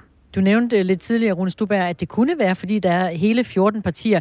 Det kan være svært at navigere i. Kunne vi øh, komme omkring det på en måde, at man ved lov ikke måtte have så mange... Det kunne være også et topartisystem i Danmark måske? Øh, ja, det kunne man da. Øh, I princippet, bortset fra, at grundloven siger, at, øh, at valg, valgloven skal være indrettet, så vi, vi har en, en proportionalitet imellem de afgivende stemmer og, og, og de øh, pladser, der bliver øh, tildelt i Folketinget. Så jeg tror ikke, vi kunne komme øh, over til sådan et valgsystem, der vil fremme et topartisystem, som vi ser det i Storbritannien øh, for eksempel. Men, men altså, øh, mindre kunne måske også gøre det i forhold til at skrue på nogle af de ting, der ligger i valgsystemet. Øh, og en ting, som man kunne gøre, hvis man ville begrænse antallet af stemmer, øh, undskyld, øh, partier på stemmesedlen, det ville jo være at gøre det sværere at komme på den. Fordi de facto må vi konstatere, at det nye system med digitale vælgererklæringer, som partier, der gerne vil stille op til Folketinget, skal igennem og, og samle de der sådan i rundetal 20.000 underskrifter fra uh, vælgere, at, at nu hvor det er blevet digitalt, så ser det ud til de facto at være blevet nemmere, end øh, det var øh, i, i gamle dage, øh, for ikke så længe siden, hvor, hvor det var øh, papirbaseret. Øh, og det kan jo godt være, at, øh, at det var øh, en vej at gå, men det er jo en, en politisk øh, beslutning, og, og den er jo ikke sådan en, man, man nødvendigvis lige tager let, fordi det, det er dem, der skal træffe beslutningen, det er jo partierne i Folketinget, øh, og det vil sige, det er dem, som allerede Øh, sidder på magten, der skal træffe beslutning om, hvor nemt skal det være at udfordre deres magt, og det ligger der jo sådan øh, øh, i hvert fald nogle udfordringer i, øh, så, så derfor øh, er det jo noget, man, man virkelig skal overveje øh, grundigt, og, og jo typisk også vil forsøge at få brede flertal øh, bag på Christiansborg, hvis man vil gå ind på den vej. Jeg har ikke hørt politikere tale om det endnu, øh, og det må vi jo se, øh, om de vil. Men, men det var, hvis man vil begrænse antallet af partier på stemmesedlen, så var det det nemmeste at gribe til i første omgang. Vi øh, vil jo gerne bryste os af en høj øh, stemmeprocent, øh, for det øh, er jo som regel et tegn på, at mange gider deltage i demokratiet. Men er det ikke måske endda mere vigtigt, at folk øh, deltager, øh, fordi de vil og øh, har lyst til det og er oplyste nok til at deltage? Det kan du sige, altså, men det, det er jo op til, til den enkelte vælger at afgøre basis for sin deltagelse, også om man ønsker at deltage. Øh, men, men jeg tror, de fleste betragter det som en, en indikator for, for demokratiets øh, sundhedstilstand, hvor mange øh, der møder op øh, og stemmer. Øh, og i hvert fald indtil vi har øh, viden, der, der peger i en anden retning, så tror jeg også, jeg vil øh, tilslutte mig øh, det hold og sige, at det er noget, vi skal holde øje med, og det er et bekymringspunkt, øh, hvis, hvis den valgdeltagelse bliver ved med øh, at falde. Jeg synes, vi har haft den her gang et valg, som har været meget anderledes end, end dem, vi har haft øh, i ganske mange år, og det har særligt været, været det her med spørgsmål om den brede regering, øh, som har været anderledes, og, og den den der øh, tendens, øh, der jo ligger i det sådan lidt mere, hvad kan vi kalde, klumpspil på midten, det, det vil jeg i hvert fald godt lige øh, vende skroen en gang på, om, om hvilken indflydelse det måske kunne have haft. Øh, og så må vi jo se, om, øh, om det er sådan, øh, tingene skal til at være øh, i tiden fremover. Det kan jo være godt for nogle ting, øh, men det kan jo altså potentielt øh, også øh, måske øh, gøre det lidt mindre klart for vælgerne, øh, hvad de får ved at stemme på den ene eller den anden måde. I det hele taget kan vi jo sige, at det har jo, øh, og det er det jo stadigvæk øh, uklart, hvad er det for en regering, vi ender med at få. Det har jo tidligere, tidligere valg været meget klare, øh, sådan dagen efter, øh, hvilken retning det pegede i, og det, det er jo et åbent spil øh, i dag klumpspil på midten. Det kan jeg godt lide, det udtryk, øh, Rune Stuberg. Lad os lige få et bud øh, fra dig som øh, professor. Hvad gør vi så for at, at vende tendensen, at vi skal have flere hen og stemme næste gang? Ikke? Hvad gør vi? Ja, det er jo det, et godt spørgsmål. Ja. Der er øh, jo øh, forskellige ting, man kan gribe til i forhold til at gøre vælgerne opmærksom på øh, mulighederne og, og sætte dem ind i, jamen, hvordan får man stemt. Øh, også gøre måske opmærksom på muligheden for øh, at brevstemme. Øh, men ellers så tænker jeg, at det er jo også op til politikerne at, at prøve at tegne de der alternativer op øh, for vælgerne, hjælpe vælgerne til at, at forstå, øh, hvad det er, der sker. Øh, og, og det kan godt være, øh, og det er det utvivlsomt øh, populært øh, blandt mange vælgere, at der skal laves brede aftaler ind over midten. Men sådan er dansk politik jo øh, i virkeligheden allerede. Det er jo sådan, øh, at store dele af lovgivningen i Folketinget bliver til i brede aftaler. Øh, og måske har vi ikke i den sammenhæng øh, helt så meget brug for den der øh, brede regering så. Men, øh, men det må vi jo se, øh, hvad der kommer ud af det. Og så vil jeg øh, i øvrigt godt lige vente, øh, til vi har nogle mere sikre analyser af, hvad der ligger bag, øh, før jeg kommer med alt for mange øh, råd, som så kan vise sig at være halvdårlige øh, lidt senere på, på sæsonen. Lover du så, at vi, vi tales ved, når vi ved lidt mere? Vi ikke gøre det? I skal endelig bare ringe. Godt. Rune Stuberg, professor i statskundskab ved Aarhus Universitet. Tak for det. Det var også lidt.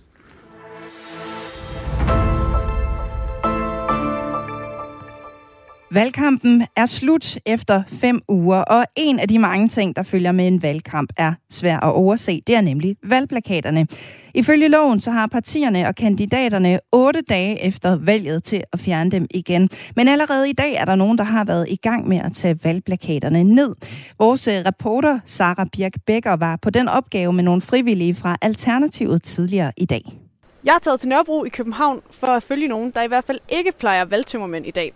Det er nemlig frivillige i Alternativet på Nørrebro, der er allerede gået i gang med at tage valgplakaterne ned. Og øh, jeg står her med dig, Kasper Smed Hansen. Du er plakatkoordinator for Alternativet på Nørrebro. En meget fin titel. Ja. Men øh, ifølge loven, så skal de her valgplakater jo først ned inden for 8 dage efter valget. Og der har du i hvert fald en uge endnu. Så hvorfor er det, I allerede er ude og gøre det her nu? Jamen altså, ja, de skal være nede senest 8 dage efter, men øh, hvis man ikke tager ned otte dage efter, så er der også nogen, der kommer og gør det for en, og det kan også blive en dyr fornøjelse. Og så er det også bare fedt dagen derpå, der er altid øh, en mega god stemning, og øh, folk er helt høje på de gode resultater, så det er fedt at komme ud og komme i gang, ikke? Og ofte er der også øh, folk, der er glade i byen og, og ønsker tillykke og så videre, så det, der er altid en god stemning dagen derpå, ikke? Øh, og så er det bare om at komme i gang, fordi vi har mange plakater, så det gælder om at få dem alle sammen ned i tider også, ikke? Ja. Og du nævner gode resultater. Alternativet fik 3,3 procent af stemmerne i går, og dermed seks mandater, hvilket er fremgang på et mandat. Som plakatkoordinator, hvor meget af den her ære øh, vil du så tage for den fremgang? Som plakatkoordinator, jeg, jeg tror desværre ikke, øh, jeg kan tage noget som helst. Det, det er nok øh, en, øh, en holdindsats. Altså folk har virkelig kæmpet, både på Nørrebro og i København, og altså bare løftet samlet flok. De har delt hinandens flyers ud og hængt hinandens plakater op og virkelig kæmpet. Så det er virkelig alternativet, der har løftet samlet flok. Så det, øh, jeg, jeg er bare en øh, brik i spillet. Øh, ja. Og den her brik skal altså i spil nu. Øh, vi står her på øh, ved siden af øh, den trafikerede gade, og det er sen eftermiddag. Det, jeg tror snart, det bliver mørkt, og det regner lidt. Så det er jo altså, er det ideelt plakatnedtagningsvejr? Nej, det er vist ikke ideelt. Øh, jeg har også set, at det skulle være solskin på lørdag, så jeg ved ikke, om der er nogen af mine øh, andre frivill- medfrivillige, der er ude og tage ned på lørdag. Men altså, det er jo fint. Jeg er sammen med Peter, som er en god kammerat for partiet, så øh, det, vi hygger os. Vi har nogle sodavand med at spise nogle gifler, og så har vi en øh, regnjakke på, og så får vi taget det, vi kan nå. Og det er, det er som det er. Og I er jo tydeligvis øh, de første, der hænger stadig plakater fra øh, alle andre partier nærmest, kan jeg se. Men øh, vil du ikke lige fortælle, hvad er det for noget grej, I har med til at få taget de her plakater ned? Jo, jo altså, man skal jo altid have en stige med for at, at få dem ned. Kan vi lige... Yes, der er den. øh, og så øh, et trick er at have sådan en øh, lang grensaks med. Peter han har en grensaks på 5 meter, fordi så skal man ikke rigtig til at kravle op. Så der er jo ret langt op i nogle af lygtepælene. Øh, så grensaks og en stige, og øh, ja, så snacks er også rigtig godt, især når vejret er, som det er lige nu, ikke? Øh, så man kan holde humøret højt. Ja. Nå, skal vi til det? Der hænger en plakat øh, fra Jonathan Ries her fra Alternativet. Skal vi ikke øh, prøve at tage den ned? Lad os gøre det. Jeg troede, vi havde 8 dage. Øh, det har vi også. Jamen, du må godt vil meget gerne pulle pitten ned nu. altså, vi starter nu. Hvad gør, hvad gør man med dem? Brænder man dem, eller hvad? Er det ikke? Er det ikke til næste år, men til næste valg? Ja, til næste år, ja, ja. næste valg, mener jeg. Der var et år, hvor I, øh, nogle år, hvor I øh, glemte at fjerne stripsene. Det har I fundet ud af. De lå og flød alle vejen. Ja, de her strips, de er i hvert fald fjernet. Hvor kommer I fra? SF'ere? Nej, Alternativet. Jeg stemte på Rosenkilde personligt. Ja, det var godt. Sådan, fedt. Er. Ja, det var ikke... Altså, det var det, der hed en fornuftsstemme, ikke? Ja. Hvor mange, øh, hvor, hvor mange mandater fik I? Syv? Seks. Seks mandater. Nå, ja, okay. Ja. Er du tilfreds med det? Nå, men jeg- altså, jeg er jo sådan en venstresnået avokat, ikke? Det var sådan en gagag-parti i en overgang, jo, ikke? Så det er godt nok. Kan vi lige... Ja, Er det svært at operere ringsaksen? Nej. De, vi, vi, har, vi har sat stripsene hårdt nok til, at plakaterne sidder fast, men ikke så hårdt, så at man ikke kan få øh, rensaksen ind imellem. Den jo deroppe i, hvad, 3 meters højde. Hvordan får du den ned nu? Hiver. Så, det var Franziska. Der kom Franziska Rosenkilde. Der kommer Franziska ned, og så kan man lige tage Ja. fat i stripsene og få dem med ned. Der var også den der. Du på, at Rosa ikke falder ned også. Ja, det er Rosalund fra Enhedslisten, der hænger lige op over. Og hvor, hvorfor skal du ikke have hende med ned også? Så skal vi jo til at aflevere plakaterne til dem og sådan noget. Det, det bliver lidt besværligt. Så man hver tager sine plakater. Men der har faktisk været, øh, der har været nogle øh, forsøg med, i Aarhus, der tog man på et tidspunkt ned for de andre partier. Øh, så man kan godt, hvis man vil. Det kræver lidt mere koordinering. Men det er jo en fin tanke at kan hjælpe hinanden. Det vil også være smart at tage dem alle sammen, nu vi er her, ikke? Og så bare fordele dem. Men hvad, hvad gør I så med de her valgplakater? Skal de alle sammen med tilbage? Ja, så altså lige nu, så vi har et øh, partilokale øh, på Amager, øh, hvor vi så øh, tager dem ud, og så sorterer vi dem til de respektive kandidater. Og så de øh, plakater, der øh, stadig er gode, der er nogen, der har været herværk på. Der er faktisk en del i år, synes jeg, der har været herværk på. Øh, men dem, der er gode, genanvender vi jo så, øh, fordi det er et materiale, så det kan blive genanvendt. Og så øh, de folk, der genopstiller dem, de bruger dem så til det næste valg, om det så er kommunalvalg, eller EP-valg, eller folketingsvalg. Så man må bare håbe, at de ikke lige skifter hårfrisør, eller... Ja, men så må man jo male på dem, og så kan man øh, lige tage nogle briller på, eller male deres hår på plakaten, eller et eller andet. Ja. Jamen, øh, hvor længe forventer I, at I skal være ude her i aften? Altså, vi har her på Nørrebro, tror jeg, vi har 355 plakater i alt. Så øh, jeg regner med, at Peter og jeg, vi kører måske lige en 2-3 timer nu. Og så ser vi, hvor langt vi når, og så hvis vi ikke når det hele, så øh, tror jeg, at der bliver lavet en anden indsats, i, måske i weekenden, når der er høj sol øh, lørdag. Øh, vi må se. Ellers så tager vi måske nogen i morgen. Ja. Og skal vi så lige få øh, Nora ned ja. som det sidste? Lad os gøre det. Kan du øh, nå den derfra, Peter? Det øverste er faktisk lidt svært. Så er det lige op om at få fat i den der lille strips. Det er godt at have en grensaks. Den ja. kan nå helt op i toppen.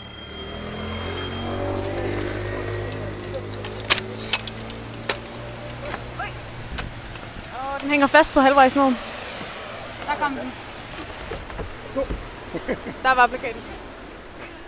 Tak skal I have. Det var så lidt. Og det var altså reporter Sara Birk Becker, der havde været med frivillig fra Alternativet til plakatnedtagning på Nørrebro i København tidligere i dag. På en øh, onsdag aften i Danmark med øh, Black Eyed Peas og Where is the Love?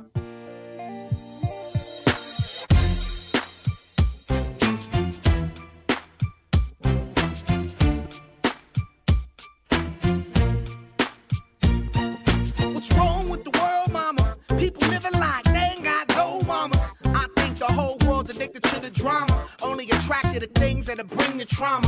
Overseas, yeah, we trying to stop terrorism. But we still got terrorists here living in the USA, the big CIA.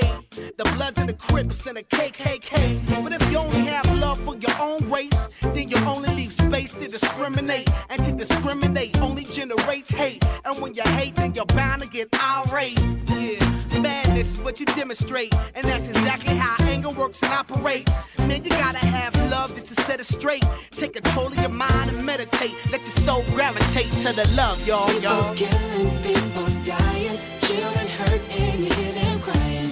When you practice what you preach and what you turn the other cheek. Father, Father, Father,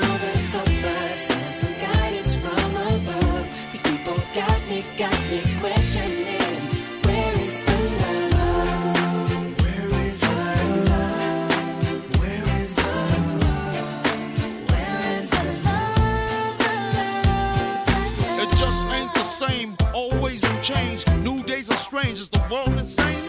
If love and peace is so strong, why are the pieces of love that don't belong? Nations dropping bombs, chemical gases filling lungs of little ones with ongoing suffering as the youth are young. So ask yourself, is the loving really gone? So I could ask myself, really, what is going wrong in this world that we living in? People keep on giving in, making wrong decisions, only visions of them dividends. Not respecting each other, denying thy brother. A war's going on, but the reason's undercover. The truth is kept secret, it's swept under the rug. If you never know truth, then you never know love. What's the love, y'all? Come on. I don't know. Where's the truth, y'all? Come on. I don't know. Where's the love, y'all? People killing, people dying, children hurt and you hear them crying. When you practice what you preach and what you turn the other cheek. Father, Father, Father,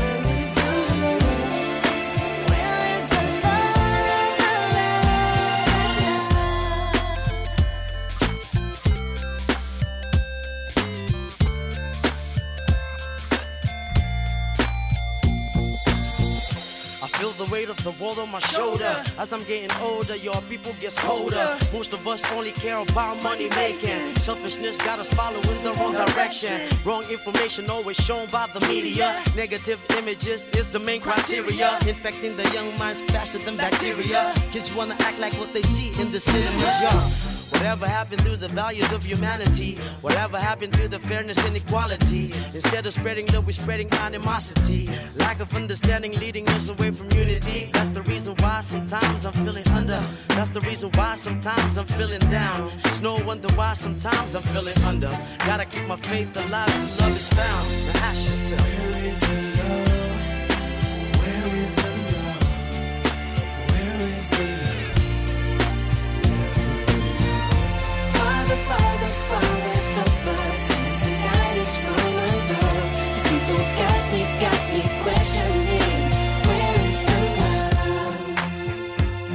Sing with me, y'all. One world, one world. We only got one world, one world. That's all we got. One world, one world. And something's wrong with it. Yeah. Something's wrong with it. Yeah. Something's wrong with the good world, world. Yeah, we only got one world, one world. That's all we got. One world. Black Eyed Peas, Where is the Love? Mange af os sad jo limet til skærmen og radioen i aftes og i nat, da valgresultaterne begyndte at tikke ind. Det sidste døgn har budt på mange op- og nedture for de 14 partier, hvoraf 12 jo nåede over spærregrænsen. Og de op- og nedture, dem øh, går vi nu i dyb med sammen med dig, Henrik Bæk Seberg. Ja, hej. Hej, lektor på Institut for Statskundskab på Aarhus Universitet. Vi kan jo starte hos Radikale Venstre, som vi har været omkring et par gange. Partiet er gået fra 16 til 7 mandater. Hvad har Sofie Karsten Nielsen og partiet i det hele taget gjort galt i valgkampen, siden de er blevet mere end halveret? Jeg tror ikke som sådan, det gik galt i valgkampen. Øh, det, der går galt, det er, at de har et, øh, et lederskifte øh, for et års tid siden, som ender med at fylde rigtig meget, og, øh, og der ved vi bare fra forskningen, at øh, lederskifte er sværere, øh, og, og det er svært at, at komme igen på, når der er så kort til øh, næste valg. Og så er det klart, at radikale kom måske også lidt skævt ind i det, fordi der var nogen, der synes det var ikke øh, det helt rigtige at, at kalde det her valg på nuværende tidspunkt.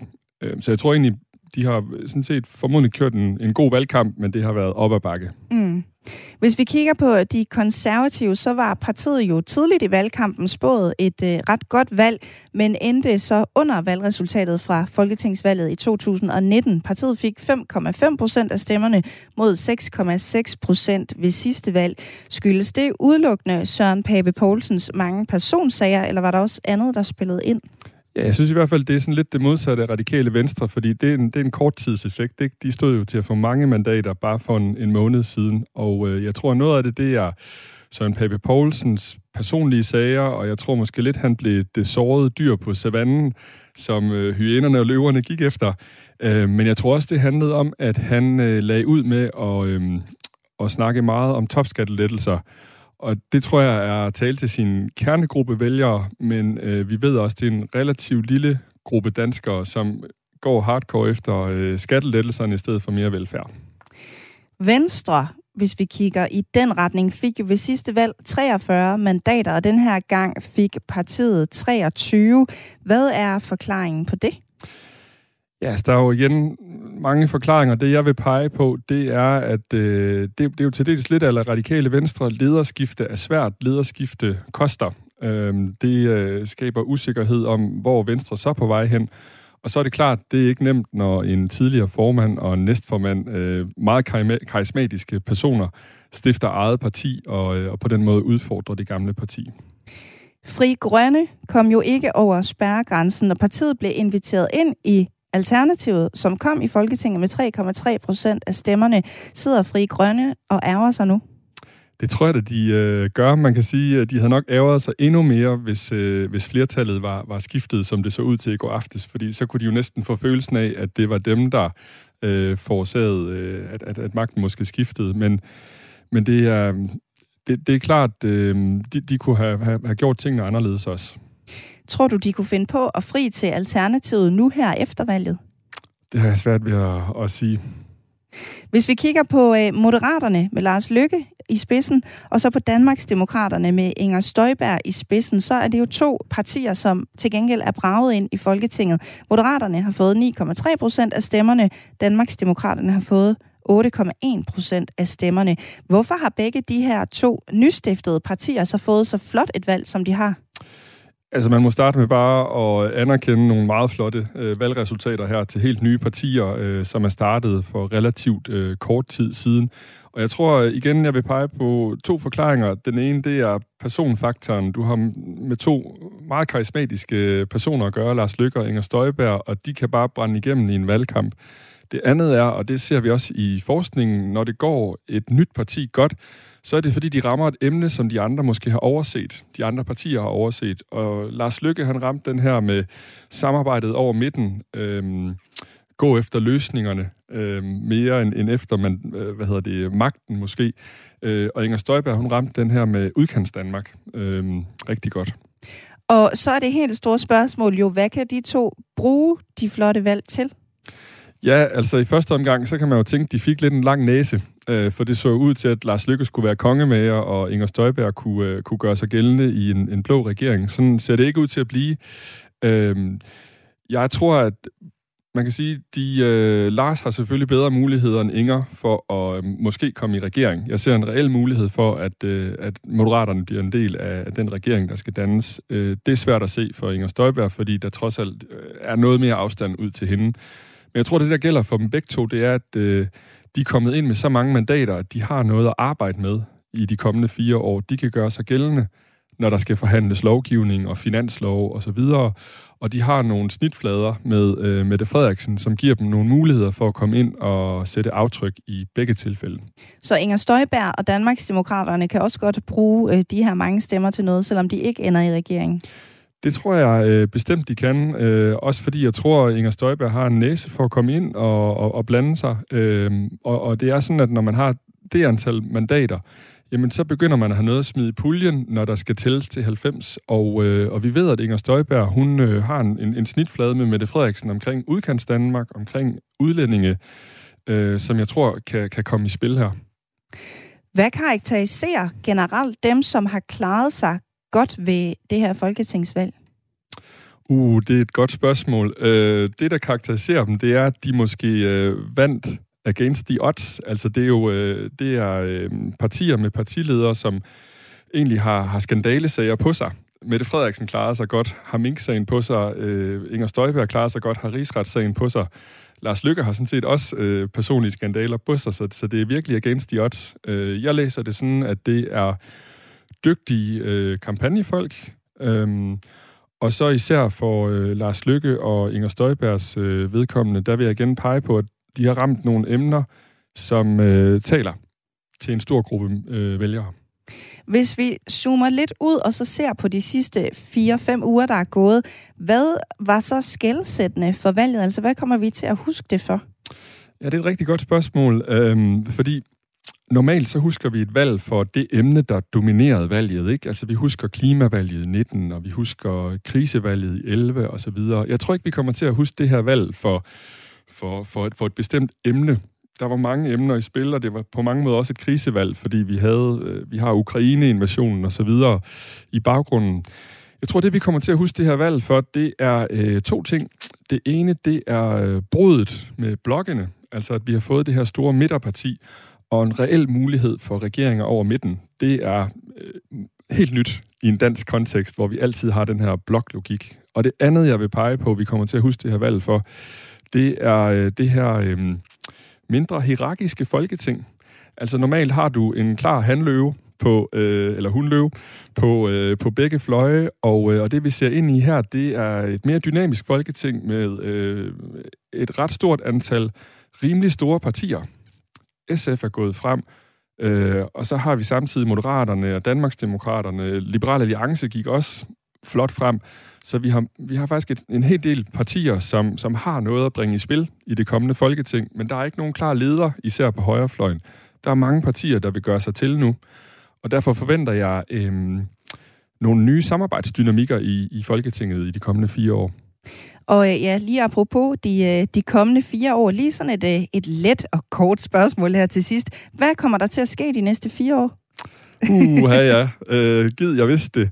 Øh, jeg tror, det, der kommer til at ske, det er, at vi, øh, vi kommer til at se øh, en masse lovgivning på, på kryds og tværs, hvor der vil være skiftende flertal. Altså, hvor flertal, man, man tæller til 90 på forskellige måder. Jeg tror, vi får en regering, som bliver meget agil og går derhen, hvor, øh, hvor, øh, hvor de har mulighed for at tælle til 90. Øhm, og så tror jeg, at... Øh, at vi får øh, formodentlig en, en, en regering, som, som kunne inkludere øh, moderaterne og dermed det her samarbejde over midten. Og det, jeg kan blive spændt på, det er så at se, om de yderste fløje bliver sat helt uden for indflydelse, og hvordan de vil reagere på det, fordi det er ikke nødvendigvis godt for demokratiet. Tak fordi du kom øh, i studiet her til aften og gjorde os øh, klogere på valget, Henrik Bæk Seberg. Tak fordi jeg måtte være med. Altså lektor på Institut. Hver uge spiser en kendt dansker sit sidste måltid på Radio 4. Frederik Silius efterlader sin hustru Anne mm. og sønnerne Dirk og Geo. Og sammen med vært Lærke Kløvedal skriver gæsten sin egen nekrolog. Æret være hans minde. Lyt til det sidste måltid hver søndag kl. 10.05 eller allerede nu i Radio 4's app. Er jeg død nu egentlig? Eller? Du er død, når du går herfra. Okay, godt nok. Radio 4 taler med Danmark. Ja, og så øh, får vi altså lige talt ind over øh, nogle ting lige en sidste gang. Der er lige nogle små ting, vi skal have justeret, Sine og jeg, når vi er i studiet sammen. Men det øh, finder vi ud af hen ad vejen. Det gør vi. Det var altså Henrik Bæk Seberg, lektor på Institut for Statskundskab på Aarhus Universitet, som vi havde i studiet her. Og det er en aften, hvor de øh, sidste personlige stemmer øh, bliver talt op. De sidste er talt op her i løbet af aftenen, og med det så får vi os også samtidig et billede af, hvem der skal sidde i Folketinget nu. Særligt Moderaterne har haft mange nye navne på øh, kandidatlisten. Mange af dem er også helt uprøvet i øh, dansk politik. Tidligere her til aften øh, talte jeg med Peter Have, der lige havde fået at vide, at øh, han er nyt folketingsmedlem. Jeg har jo lært så mange ting igennem mit liv, og og tre uddannelser, og har lært at drive virksomhed i 21 år, så nu kan jeg vel også godt gå i lære som politiker. Det skal ikke være det helt store problem. Flemming Jule Christiansen, lektor ved Institut for Samfundsvidenskab og Erhverv på øh, RUK. Velkommen til. Tusind tak. Hvad får øh, Folketinget ud af, at der kommer folk ind uden politisk erfaring? Øh, man kan sige, det, det man får som noget nyt, det er måske, at der er lidt flere, som har erhvervserfaring, der kommer ind, især fra moderaterne. Øh, der har været lidt en tendens til, at øh, der er mange politikere, der, der ikke har så lang erhvervserfaring, som er kommet i Folketinget, og som har læst nogle samfundsvidenskabelige uddannelser, øh, som dem jeg selv underviser på. Øh, og der, der er der sådan fra flere kredse været efterlyst flere med en form for erhvervserfaring. Men når man siger det, så må man også sige, at, at man kan sige, i gamle dage, hvor der var store partier, der repræsenterede nogle grupper i samfundet, øh, og også prøvet at få repræsentanter for de grupper i samfundet ind i Folketinget, altså arbejdere og landmænd osv., så, så var der en organisatorisk skoling, både gennem partierne og ungdomspartierne, og gennem de organisationer, som var knyttet til øh, og foreningsarbejde osv., så, videre. så der har næsten altid været en form for, for skoling af de folk, der endte med at komme i Folketinget. På nær efter valget i 73, hvor Fremskridspartiet og Centrodemokraterne bragede ind og også trak mange uerfarne med ind. Hvad er det egentlig, man skal skoles i, for at kan begå sig derinde på Christiansborg? Øh, der er en hel masse både nedskrevne og uskrevne normer for det politiske samarbejde på Christiansborg, øh, som øh, man bør kende i et vist omfang. Øh, så og der er jo der er sådan hele forretningsgangen. Meget af det kan jo læres, øh, men der er også en, hvad kan man sige, der, der er nogle normer for, at man, man jo, når man skal varetage et ordførerskab på vegne af sit parti, øh, så skal man kunne stå ved nogle aftaler, der findes, at man skal kunne forhandle med ministeren, man skal stå på mål for sit eget partis politik, øh, øh, og man skal også kende, hvad de andres politik er. Og så er der jo også en hel masse forventninger fra medierne til, hvad man skal kunne, og at man ikke skal træde ved siden af, øh, hvad, man, øh, hvad man siger. Der er mange, hvad kan man sige, der kan være mange snubletråde spændt ud i virkeligheden, mm. øh, som man også skal forsøge at komme udenom. Øh, og, og ja, så er det, altså, der er jo forholdsvis stor arbejdspres også. Øh, med, en af mine, eller en af kolleger, Henrik Bæks kolleger i Aarhus, øh, Helene Helbo Petersen, har undersøgt, hvor lang tid øh, det tager at være folketingsmedlem, og det tager typisk, øh, der er et tidsforbrug på 50-55 timer om ugen, øh, men, men der er også en stor selvstændighed at disponere sin tid, øh, og det, så det, det kan også være krævende på den måde. Hvilken, hvilke fordele kan der så være ved, at man øh, kommer ind øh, grøn uden andre politiske erfaringer? Det kan selvfølgelig være, at der er nogle ting, man især i begyndelsen ser mere frisk på, indtil man ligesom er socialiseret ind i normerne. Og der, øh, det, det kan da jo godt være, at der kan komme nogle, øh, nogle nye indfaldsvinkler øh, ud af det. Øh, men omvendt må man sige, at, at arbejdsgangen i Folketinget er meget låst fast i nogle bestemte procedurer øh, med udvalgsarbejde og ordførerskaber og gruppemøder øh, og ordførerskaber. Øh, og det kan man sige, det er de to nye partiledere, øh, Støjberg og Lykke, jo fuldstændig trænet i. Øh, men man kan også sige, at i alle folketingsgrupper kan der være sådan en balance mellem øh, folketingsgruppen og dens medlemmer, og så det sekretariat, som partiledelsen øh, råder over, øh, med økonomisk, politisk, analytisk afdeling og pressemedarbejdere. Og der kan man sige, at den balance kan godt risikere i de nye partier at, at tippe øh, øh, mere, eller nogen sige endnu mere til fordel for, for toppen, for det er dem, der ligesom har øh, kortene på hånden. Men det får vi se, øh, og det er jo også værd, at ud af processen kommer nogle politiske talenter, der slet ikke ville være blevet fremelsket, øh, hvis ikke det her var sket. Der bliver også øh, snakket om, at der foregår politiske spil inde på Christiansborg, og øh, tidligere så har vi jo også eksempler på politikere, der måske ikke helt har kunne øh, håndtere det. Tidligere til aften, der spurgte jeg Peter Have, som altså er, er valgt ind øh, for første gang nu for øh, Moderaterne, hvad han tror, der bliver sværest øh, ved at komme i Folketinget. Og han svarede sådan her. Jeg tror, at det bliver svært at, øhm, at beslutningsprocessen måske er lidt længere, end den er, når, når man driver en, et hotel, som jeg har herude i Låsby, hvor vi er jo vant til at være omstillingsparat i en fart, og så laver vi nogle beslutninger, og så fører dem ud i livet. Det kan godt være, at det måske bliver lidt øh, mere træ, og, og derfor så kan det være, at jeg måske kan miste tålmodigheden en gang imellem. Men øh, det vil jeg prøve at tøjle. Han vil prøve at tøjle det. Har han ret i, at der kan være nogle beslutningsprocesser, der er svære at omstille sig til. Ja, det, det tror jeg ret i, og det er jo nok meget godt, at han har den forhåndsforventning. Øh, jeg synes, man kan se på interviews med erhvervsfolk, der er kommet ind i politik, hvor mange så også forlader politik hurtigt, at øh, de er vant til at træffe beslutninger og har været offentlige, eller har været ledere på, på et fremtrædende niveau. Og, og så kommer de ind i politik, hvor man ikke nødvendigvis kan forvente, at, øh, at, at, at partifælder de, øh, indgår i en organisation, der har til formål at opfylde nogle målsætninger på den måde, der, der er sådan indbyrdes konkurrence, og der er sådan alle mulige øh, øh, processer, øh, som sådan set har en form for rationalitet i sig, men, men hvor det egentlig ikke, som hvis det var en virksomhed, øh, handler om at, at opfylde nogle, nogle bestemte målsætninger inden for en vis tidsramme. Og det tror jeg, øh, at det, er to forskellige former for ledelse, den politiske ledelse og sådan en traditionel virksomhedsledelse. Øhm, og det, det tror jeg, at nogen kan, for nogen, der ligesom tager springet fra det ene til det andet, kan det komme som en overraskelse. Synes jeg, man anekdotisk kan finde en del eksempler på, øhm, at den overgang kan have været vanskelig. Men der er også nogen, der har håndteret den, øhm, altså hvor, som både har haft fremtrædende positioner i erhvervsliv og alligevel har begået sig i politik. Så øh, hører vi jo også samtidig røster i øh, samfundet, der efterlyser, at vi skal have flere almindelige mennesker ind i øh, Folketinget. De skal ikke alle sammen have læst på universitetet og i den retning. Kommer det til at gøre nogen forskel for os, hvis der den her gang kommer flere ind, der har en mere jævn uddannelse? Altså for den politiske repræsentation, altså forestillingen om, at dem, der er valgt til Folketinget, de afspejler befolkningen på forskellige måder, så vil det jo styrke øh, repræsentationen af en række grupper i samfundet, der ellers er underrepræsenteret, hvis man sådan ser på erhvervsgrupper. For det er det jo rigtigt, at øh, universitetsuddannede, og i, i særdeleshed universitetsuddannede fra, fra samfundsvidenskabelige institutioner, at de, de er jo stærkt overrepræsenteret, for de får fra de uddannelser nogle analytiske kompetencer. Og man kan også sige, at øh, rekrutteringsgrundlaget til at komme ind i politik gennem ungdomsbevægelserne, altså de politiske partiers ungdomsbevægelser, det er virkelig blevet en ret snæver kanal, fordi det er ikke sådan, at man entydigt, tror jeg, kan sige, at de ungdomsbevægelser, de afspejler øh, de bredere befolkningsgrupper, som deres partier traditionelt repræsenteret. Så på den måde kan det, at der kommer nye øh, grupper i Folketinget, øh, eller mere folk, der også har erhvervserfaring, det, det vil i en vis forstand styrke, øh, hvad man kan sige, sådan mere afspejlende del af den politiske repræsentation. Øh, men politisk repræsentation handler selvfølgelig også om, at, at, øh, at der er nogle holdninger, man repræsenterer, og prøver at repræsentere dem så stærkt som muligt. Øh, og der kan man sige, der, det, det kan jo være, at det kommer efter et stykke tid med, med træning. Øh, så, men altså, jeg vil sige, der er et aspekt der af den politiske repræsentation, der, der, der bliver styrket Mm. sådan mere deskriptivt.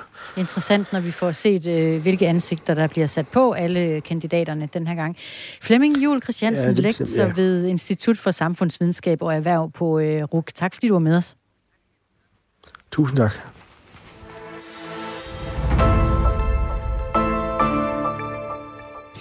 Og øh, med et nyt folketing, så er der jo altså også stor udskiftning. Valgmatematik er ubarmhjertig, men vælgerne, de har talt. Og i et demokrati, der kan vælgerne aldrig nogensinde tage fejl. Ja, sådan sagde Venstreformand Jakob Ellemann Jensen i nat, efter at partiet havde fået noget af en vælgerlussing. Flere kendte ansigter fra Venstre har heller ikke opnået genvalg, blandt andre partiets trafikordfører Christian Pil Lorentzen, stillet op i Vestjyllands Storkreds, der har været i Folketinget siden 2005. Også Eva Kjær Hansen, som vi talte med tidligere, stillede op i Sydjyllands storkreds og nåede heller ikke genvalg. Eva Kjær Hansen har altså siddet 32 år i Folketinget og har haft flere ministerposter, blandt andet ligestilling, minister for miljø og fødevare og socialminister. Hun fik 4.224 stemmer, og det er mindre end halvdelen af de 9.531 stemmer, som hun fik ved forrige valg. Tidligere på aftenen, der kommenterede hun nederlaget her hos os. Jamen, øh, det ene er jo, at øh, vi har en tidligere formand for Venstre, der har stiftet sit eget parti, og en tidligere næstformand, der har stiftet sit eget parti. Og det er klart, det har jo øh, sprængt Venstre i atomer, og øh, vi er gået voldsomt tilbage af den grund. Og så kan jeg også se, at øh, det ikke lykkedes mig at holde sammen på stemmerne øh, i min kreds. Øh, der har været flere kandidater om at, at tækkes øh, vælgerne, og det er jo så det, der rammer øh, mit personlige stemmetal også. Og Eva Kjær Hansen er stadigvæk medlem af byrådet i Kolding, men her oplevede hun også nederlag, fordi hun ikke blev valgt som borgmester ved kommunalvalget i 2021. Hos øh, Dansk Folkeparti opnåede René Christensen ikke genvalg heller. Han var øh, oppe imod partiets moder, så at sige. Ja, men det, jeg var op imod Pia Kjærsgaard, stifteren af Dansk Folkeparti, og hende kunne jeg altså ikke slå i, i valgkampen. Og, og, og sådan er det jo. Øh, jeg prøvede, men jeg kunne ikke. René Christensen har ved øh, valget fået øh, ca. 4.100 personlige stemmer, mens Pia Kjærsgaard i samme valgkreds har fået omkring 6.000 personlige stemmer. René Christensen har siden 2022 været partiets gruppefører og skal nu måske bruge lidt mere tid på sit arbejde i Guldborg Sund Kommune. Rasmus Nordqvist i øh, Østjyllands storkreds fra SF opnåede heller ikke genvalg, selvom partiet fik øh, fremgang med et mandat på landsplan. Det er jo sådan en lidt underlig følelse, fordi jeg er jo øh, afsindig glad for, at vi fik, vi fik fremgang. Og så samtidig er det jo selvfølgelig drønskuffende og, og ærgerligt øh, ikke selv øh, at, at få en plads. Og særligt, når, når øh, vi er kommet i gang med så mange gode ting på de områder, jeg har arbejdet med, med natur, med miljø, med klima. Øh, ikke at kunne, kunne være med til at skubbe det videre, så er det jo ja, drøn ærgerligt. Han blev øh, valgt ind ved Folketinget, René Christensen, nej undskyld, øh, Rasmus Nordqvist for Alternativet i 2015 og er skiftet over til SF i 2020 efter øh, mange kontroverser med partiets tidligere forperson Josefine Fock. Ja.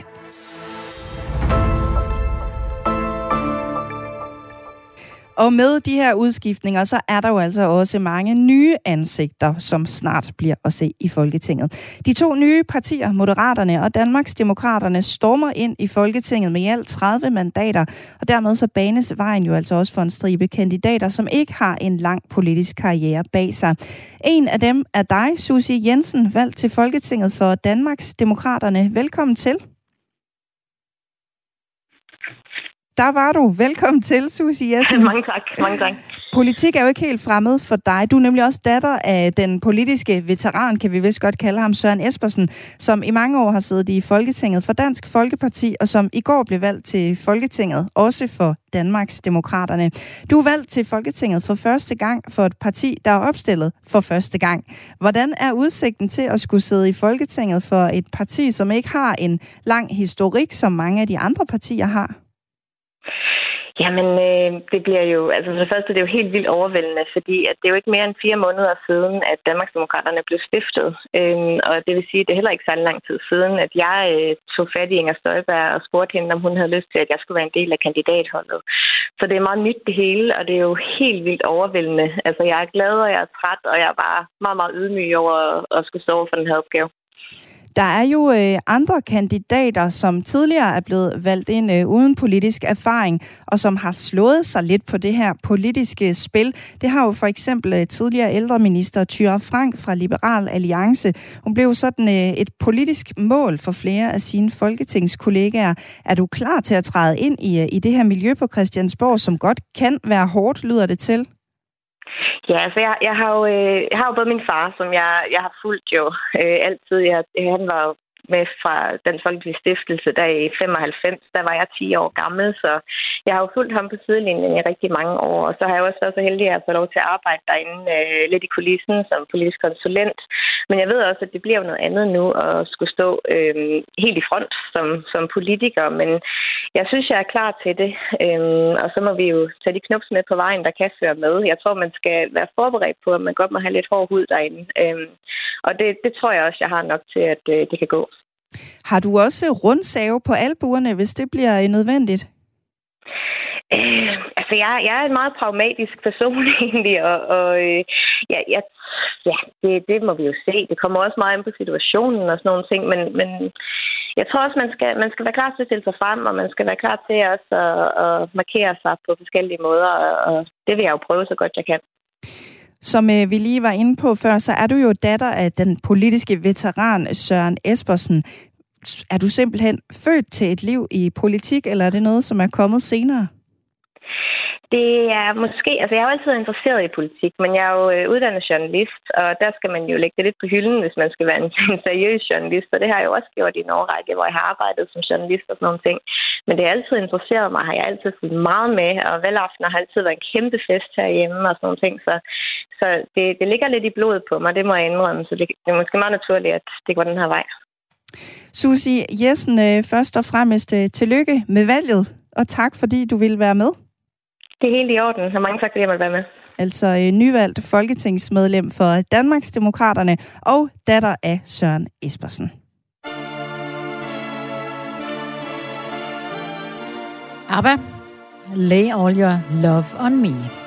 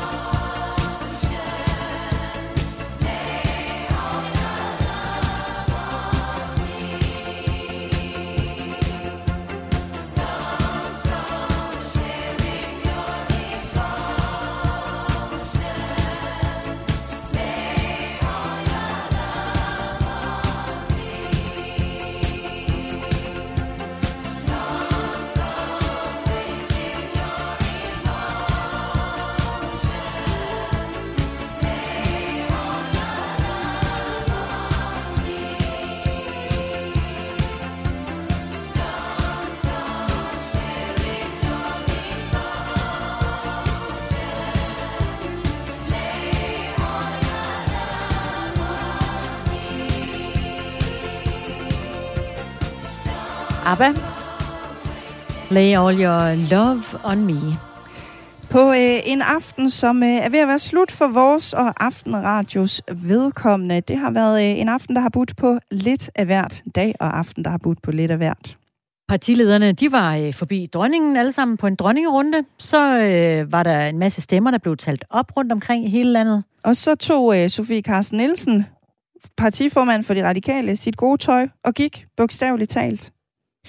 Det var, hvad øh, dagen øh, bød på. Mere nyt om øh, valget i Radio 4 i morgen. Signe Riboger Rasmussen og Christine Ankerhus siger tak for nu. Klokken er 21.